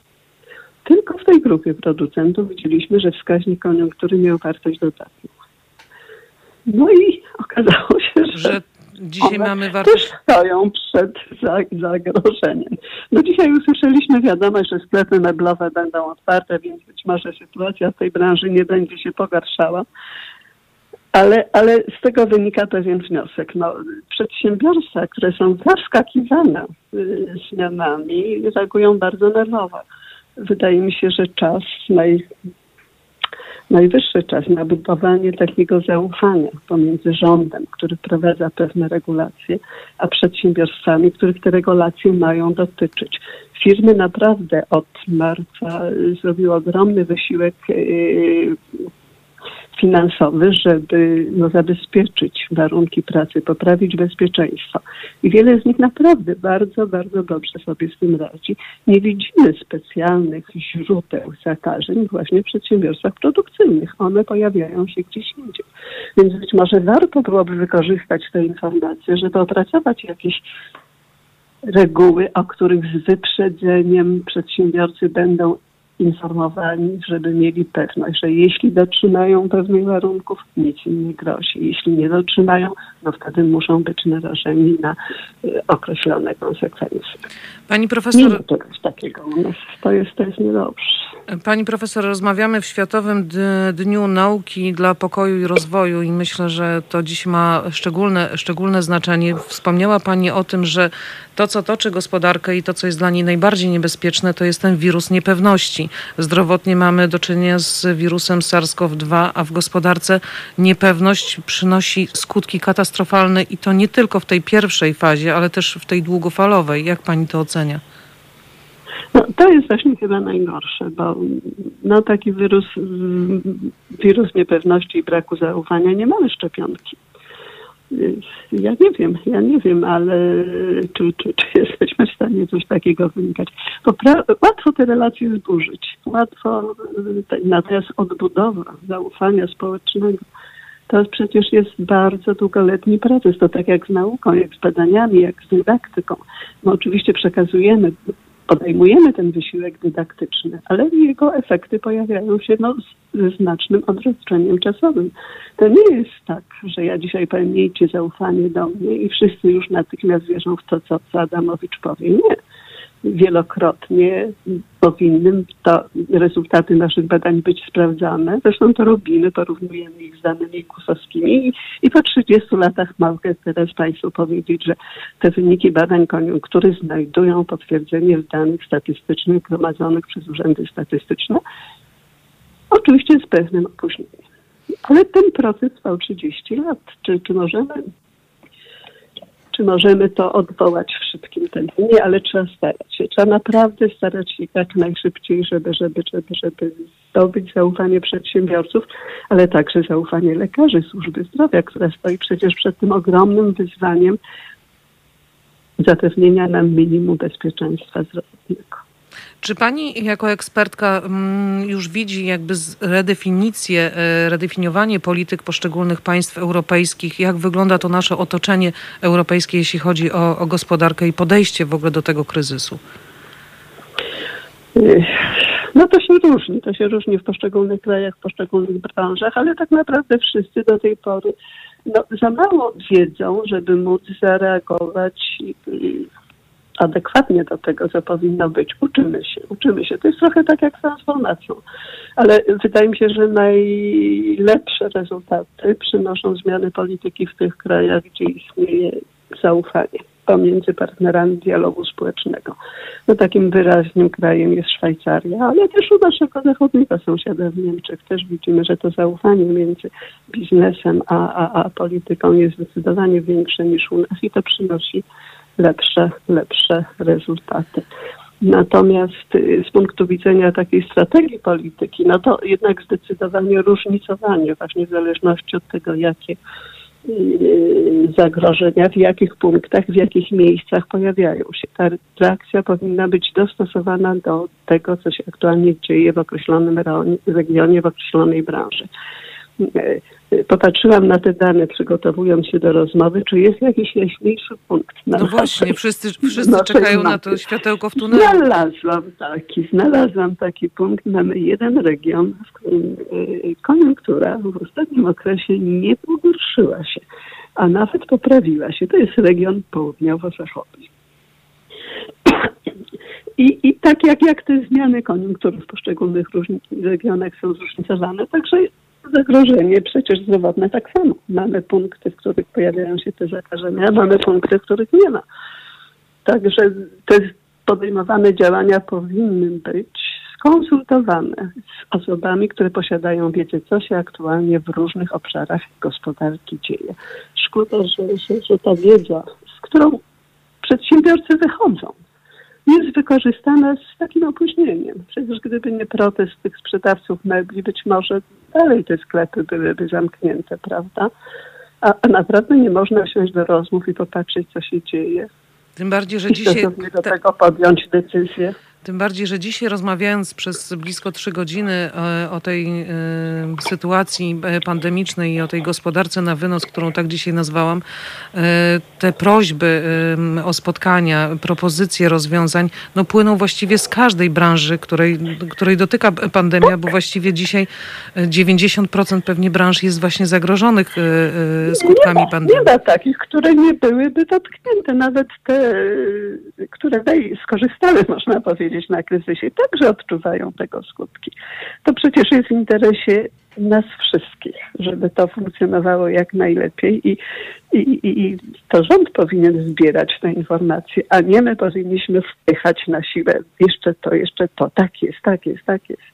Zwłaszcza, że powtórzę, już o tym mówiłam, naprawdę przedsiębiorcy podjęli ogromny wysiłek zapewnienia no, w miarę możliwie najwyższego poziomu bezpieczeństwa, zarówno dla swoich pracowników w zakładach przemysłowych, jak także dla osób, dla klientów w tych sytuacjach, gdzie, gdzie mamy do czynienia punkty usługowe, sklepy, zakłady, chociażby te, te, te słynne y, punkty fryzjerskie, które były zamknięte bez żadnej dyskusji w pierwszej fazie.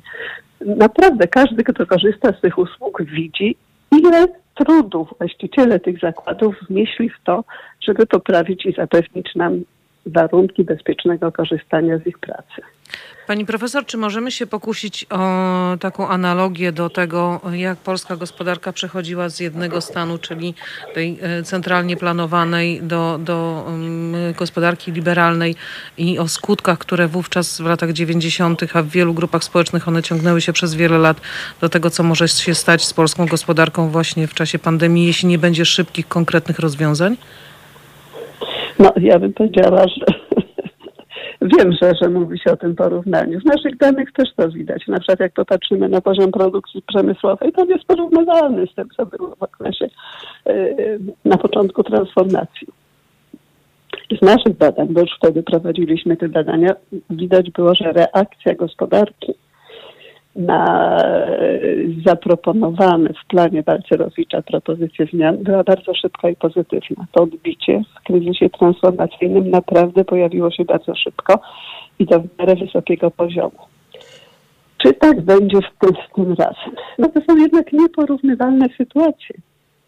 Wtedy była gotowość ludzi do tego, żeby wziąć swoje sprawy swoje ręce, przysłowiowa e, przemysłowość polskiego. I nadzieja, nadzieja na nowe, tak. I nadzieja na zmianę. I to, to, to był ten entuzjazm, który niósł ludzi falą i który przekładał się na pozytywne efekty. Tym bardziej już za czasów, tak, tym bardziej, że za czasów ministra Wilczka no już był ten pierwszy oddech, prawda, że można tak, coś... przygotowana jakaś tak. tam podstawa, tak, tak, tak. Na teraz, jak ja patrzę na tą falę niepewności, ale także falę pesymizmu, która rozlewa się wśród przedsiębiorców, ale także wśród gospodarstw domowych. To naprawdę powrót do tego optymizmu no, nie będzie takich dnia na dzień, nie będzie szybki, chociaż znowu no, mam nadzieję, że przedsiębiorcy wykażą się swoją aktywnością i w miarę przywrócą, ale to, co obok tego wirusa niepewności, który zżera gospodarkę i który no, powoduje, że nie wiemy, co będzie, drugi taki wirus, który nas zżera, to jest wirus pesymizmu.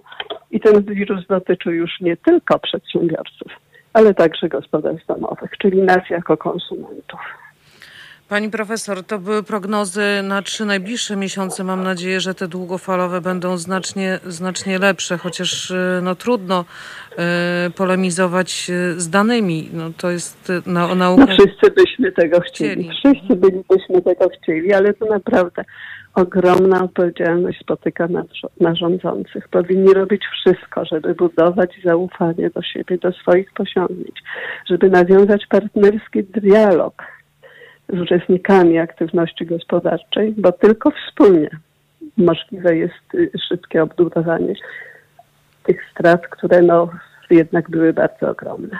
Pani profesor, to są apele, które od y, tygodni kierowane są w stronę rządzących, apele od przedsiębiorców, od zwykłych obywateli, od ludzi kultury, sztuki, ale przede wszystkim od świata nauki. Ja mam nadzieję, że w końcu głos świata nauki zostanie y, dostrzeżony, usłyszany i ta wiedza, którą Państwo dysponujecie, no, przełoży się na y, program wsparcia dla nas wszystkich, bo, bo bez tego ani rusz.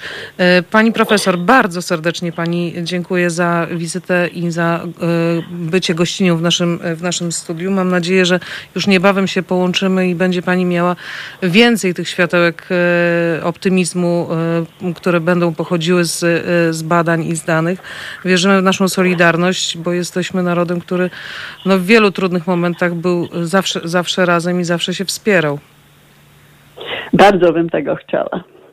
I tego sobie e, wzajemnie, proszę Państwa, życzymy. Dużo zdrowia Pani Profesor i do usłyszenia. Wzajemnie. Dziękuję wszystkim Państwu. Dziękuję, do usłyszenia. Dziękuję, do usłyszenia.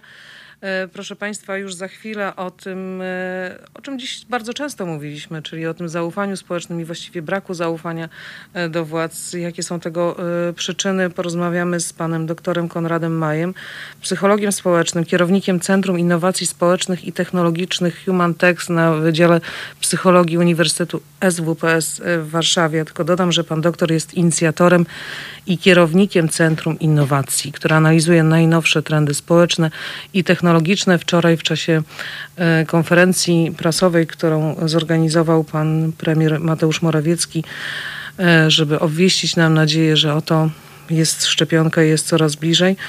Użył też e, dosyć trudnego dla mnie do pojęcia sformułowania, że oto Brak społecznej odpowiedzialności doprowadza polską gospodarkę do zapaści, na co bardzo szybko między innymi profesor Cezary Szczelik, lekarz, onkolog, odpowiedział, że brak odpowiedzialności rządu doprowadziła polską gospodarkę na skraj bankructwa, a nie brak odpowiedzialności społecznej. Już za chwilę połączymy się z panem doktorem Konradem Majem z Uniwersytetu SWPS.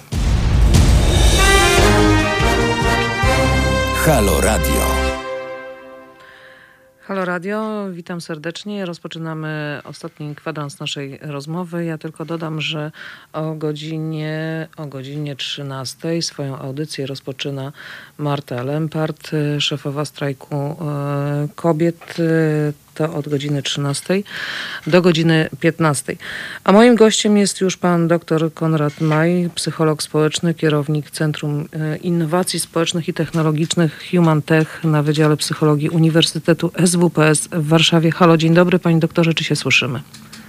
E, dzień dobry, ja słyszę. Dzień dobry Państwu. Panie doktorze, dziś e, w czasie naszej audycji, która właściwie takim motywem przewodnim tej audycji była gospodarka na wynos, ale też brak zaufania do e, rządzących.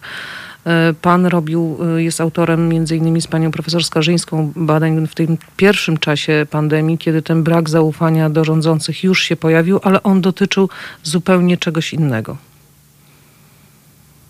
E, tak, no to był, e, był cały projekt badawczy dotyczący tego, żeby zobaczyć, jak e, ludzie reagują na pandemię, jak ludzie reagują na lockdown. On dotyczył polityki, która jest prowadzona w tym zakresie. No i już od samego początku były wątpliwości, ale jednak trzeba powiedzieć sobie jasno, że na samym początku bardzo wiele osób deklarowało, że ta polityka jest słuszna, że zamierza się zastosować do pewnych zaleceń rządowych. Y, po dwóch miesiącach to się y, zmieniło, to znaczy już ta nieufność się pojawiła i pewne wątpliwości co do tego, czy ta polityka jest słuszna. No ale teraz y, my co prawda naszych własnych badań nie powtarzaliśmy, ale tylko dlatego, że jest bardzo wiele raportów, które wskazują na to, że poziom zaufania co do tego, co się obecnie proponuje, jaką się przyjęło strategię, jest bardzo niski i to wszystkie badania to pokazują. Panie doktorze, byliśmy bardzo solidarni na samym początku, e, przestrzegaliśmy reguł e, zaleceń e, rządowych, ale potem pojawiło się właśnie bagatelizowanie tych zaleceń właśnie ze strony samych rządzących. Widzieliśmy te obrazki kroczącego pana prezesa Jarosława Kaczyńskiego, pana premiera, który chociażby w sali kinowej był bez maseczki i tak dalej. Czy pan myśli, że to jest powodem tego braku zaufania do rządzących? No myślę, że powodów można wymienić bardzo wiele. No, kluczowe zawsze jest to, żeby w czasach kryzysu y, ufać władzy, ufać jej decyzjom i mieć przekonanie, że y, podążamy we właściwym kierunku. Y, poziom zaufania jest niezwykle wysoki w takich krajach jak Szwecja czy Finlandia, ogólnie mówiąc kraje nordyckie czy też skandynawskie tym się cechują. My mamy bardzo niski, już mieliśmy wcześniej przed pandemią bardzo niski wskaźnik zaufania społecznego, a zatem y, to jest y, jakby tutaj można powiedzieć bardzo wrażliwy element naszej rzeczywistości i należało o niego zadbać, czyli robić wszystko, aby y, ta, ta nieufność jeszcze się nie pogłębiła. Natomiast w momencie, kiedy raz mówi się o tym, że jest bezpiecznie, organizujemy wybory, później, później już jakby komunikacja jest inna, do tego jeszcze widzimy obrazki rozmaitych prominentnych polityków, którzy pojawiają się bez e, masek, a następnie później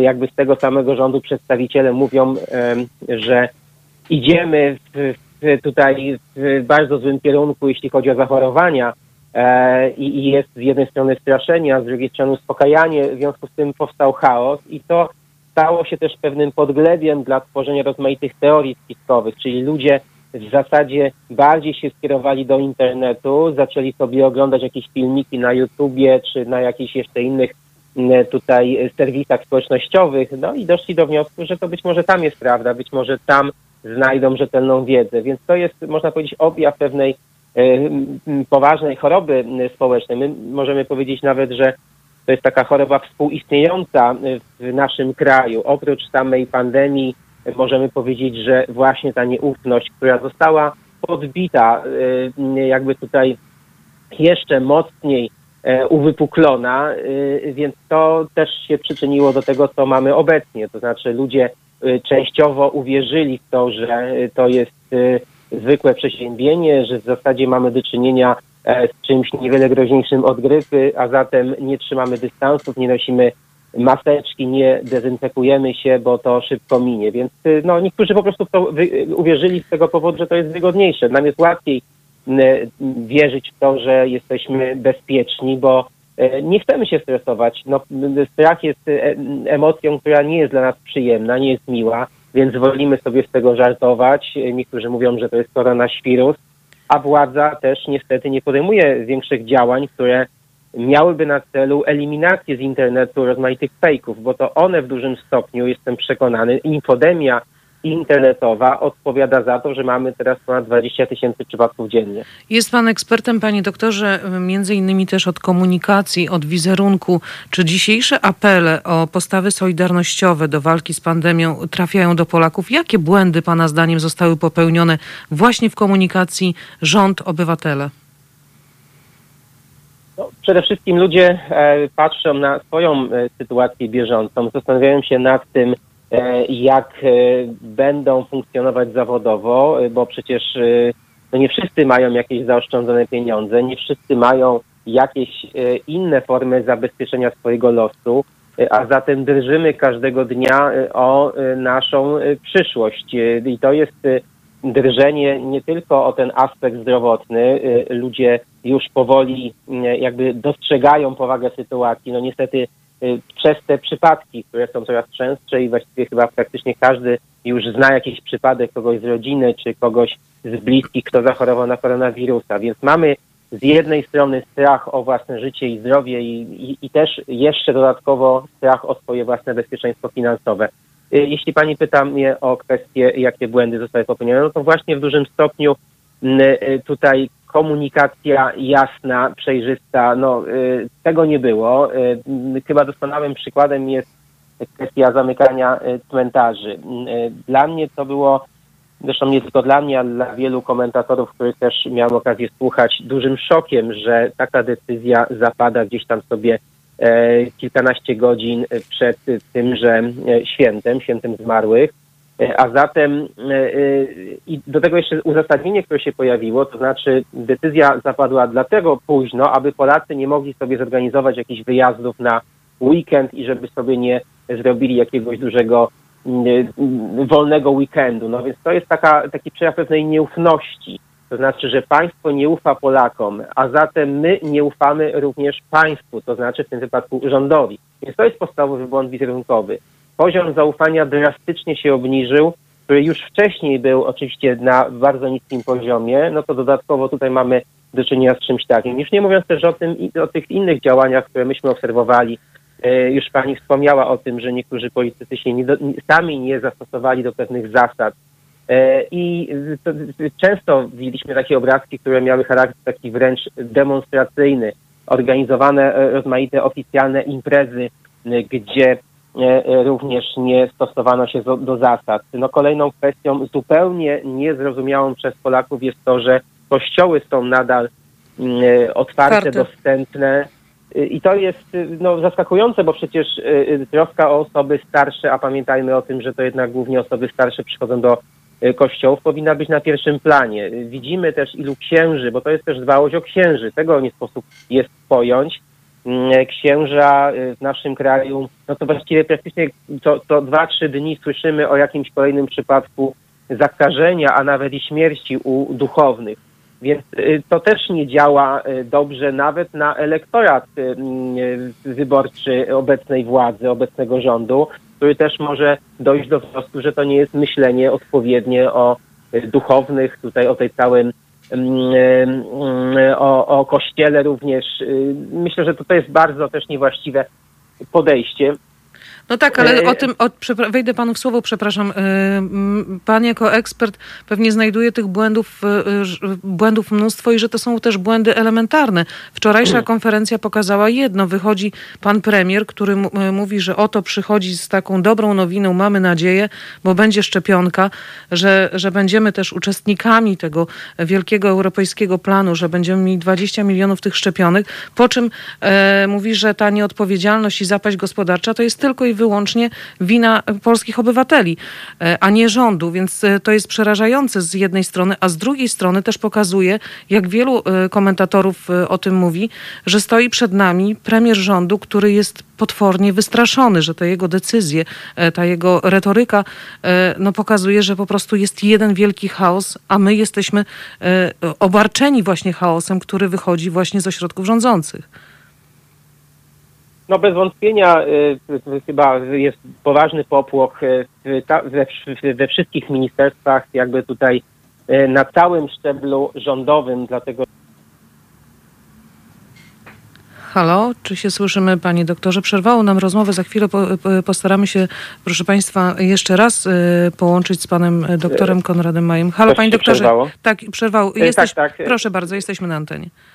E, Więc tak, no, e, na samym początku mieliśmy oczywiście e, taką pokazówkę, że państwo polskie jest przygotowane, wiemy co robimy, jesteśmy pewni siebie. Natomiast no, te ostatnie miesiące pokazały, że to się wszystko rozpadło i teraz e, no, rozpoczyna się poszukiwanie winnych. No, niepokojące jest to, że atakowani są lekarze, mówi się o tym, że oni mają jakąś słabą motywację. No, dla mnie jest no, naprawdę zaskakujące, że wpada się na takie pomysły jak chociażby wysyła się wojsko po to, żeby sprawdzało, gdzie są Liczyło w łóżka. są e, łóżka wolne, więc to są przykłady na e, tutaj jakąś ogromną nieufność w stosunku do e, e, tego całego personelu medycznego, który powinien być otoczony wsparciem, opieką, a tu się nagle okazuje, że to oni mają być winni. Więc widać tutaj, że powstała jakaś być może koncepcja, jakaś nawet być może wyrafinowana strategia, aby e, obarczyć, szukać e, winnych. E, Wiemy też już, że e, ta strategia dotyczy e, na przykład e, protestujących, więc to oni również są na celowniku. Teraz jeszcze kolejna grupa została zidentyfikowana,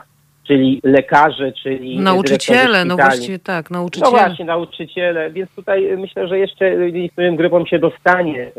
Opozycja oczywiście, która też jest nieodpowiedzialna i zamiast, zamiast y, pomagać, no to podobno tutaj y, jeszcze ptoci, jeszcze przeszkadza. Więc no jest, to, jest to pewien koncept na to, aby szukać winnych, kozła ofiarnego i pewnie będziemy mieli również w mediach publicznych taką opowieść graną przez kolejne tygodnie, czy nawet miesiące. Panie doktorze, pan również za, zajmuje się badaniami nad, nad wpływem e, sztucznej inteligencji. Wczoraj rozmawiałam, e, wczoraj, wczorajsza audycja była poświęcona między innymi temu, e, jak pandemia wpływa na cały świat kultury, sztuki i pojawiały się właśnie takie oto przykłady, że od kilku miesięcy ponad 80% branży, która jest zatrudniona na umowy o dzieło, czyli umowy śmieciowe, zmuszeni są szukać innych zajęć, że pracują w sklepach, w firmach kurierskich, sprzątają mieszkania, opiekują się dziećmi sąsiadów i tak. Czy Pana zdaniem pandemia spowoduje i uzmysłowi nam, że spora część Polaków nie będzie miała już szans na powrót do wyuczonych zawodów? No to jest y, trudno na to pytanie odpowiedzieć, y, bo nasz kraj po raz pierwszy się spotyka y, z taką pandemią, ale bez wątpienia już teraz to widzimy, że spora część y, Polaków y, próbuje się przebranżowić, próbuje y, wejść w jakieś inne zawody. Ym, Czy to jest całkowicie złe i czy możemy mówić y, o jakiejś wielkiej tragedii? No, musimy sobie zdawać sprawę, że mobilność zawodowa jest czymś naturalnym. Musimy sobie zdawać z tego sprawę, że e, e, dla niektórych być może jest to szansa e, na to, aby odnaleźć się w innym zawodzie. Mówi się o tym w psychologii, że kryzys jest często szansą, więc ja nie mówię oczywiście, że, że powinniśmy się e, uśmiechać, e, powinniśmy patrzeć e, cały czas optymistycznie i się nie przejmować tym, ale z drugiej strony nie popadać w taki totalny jakiś pesymizm i uznawać, że nie wrócimy już do tych pięknych czasów, powiedzmy sobie, jakie mieliśmy kilka miesięcy temu. Przecież restauracje m, będą na nowo otwarte, czy kina, czy inne miejsca rozrywki, e, muzea. e, No tutaj dużo można byłoby wymieniać takich miejsc, które są obecnie pozamykane. Więc ja myślę, że to będzie mm, w pewnym momencie jakiś okres nastąpi odbudowy. Myślę też, że nawet ludzie będą bardzo chętnie pojawiali się w kawiarniach, e, pojawiali się w klubach, tam gdzie ich nie było przez ostatnie miesiące. Więc to jest trochę tak jak jakiś taki powrót po, mm, e, po wakacjach, e, po jakimś takim czasie, kiedy my, prawda, nie byliśmy aktywni i wracamy do pewnych e, Tym bardziej, że to, tak, tym bardziej, że to chyba jedne z najtrudniejszych wakacji, przy, z jakimi przyszło nam się zmierzyć. e, I, i, i mam nadzieję, tak, tak. że e, ten optymizm, który słychać w Pana głosie, też się naszym widzom e, udzielił. Panie doktorze, bardzo serdecznie Panu dziękuję za rozmowę. E, Doktor Konrad Maj był naszym gościem, Uniwersytet SWPS. E, Mam nadzieję, że do rychłego usłyszenia, Panie doktorze. Proszę Państwa, nasza audycja dobiega już końca. Jak e, wspomniałam, o godzinie e, 13 za radiowym sitkiem zasiądzie e, moja wspaniała e, koleżanka. która będzie z Państwem do, do godziny 15. Joanna Warecha, dziękuję za dziś i zapraszam w czwartek wieczorem.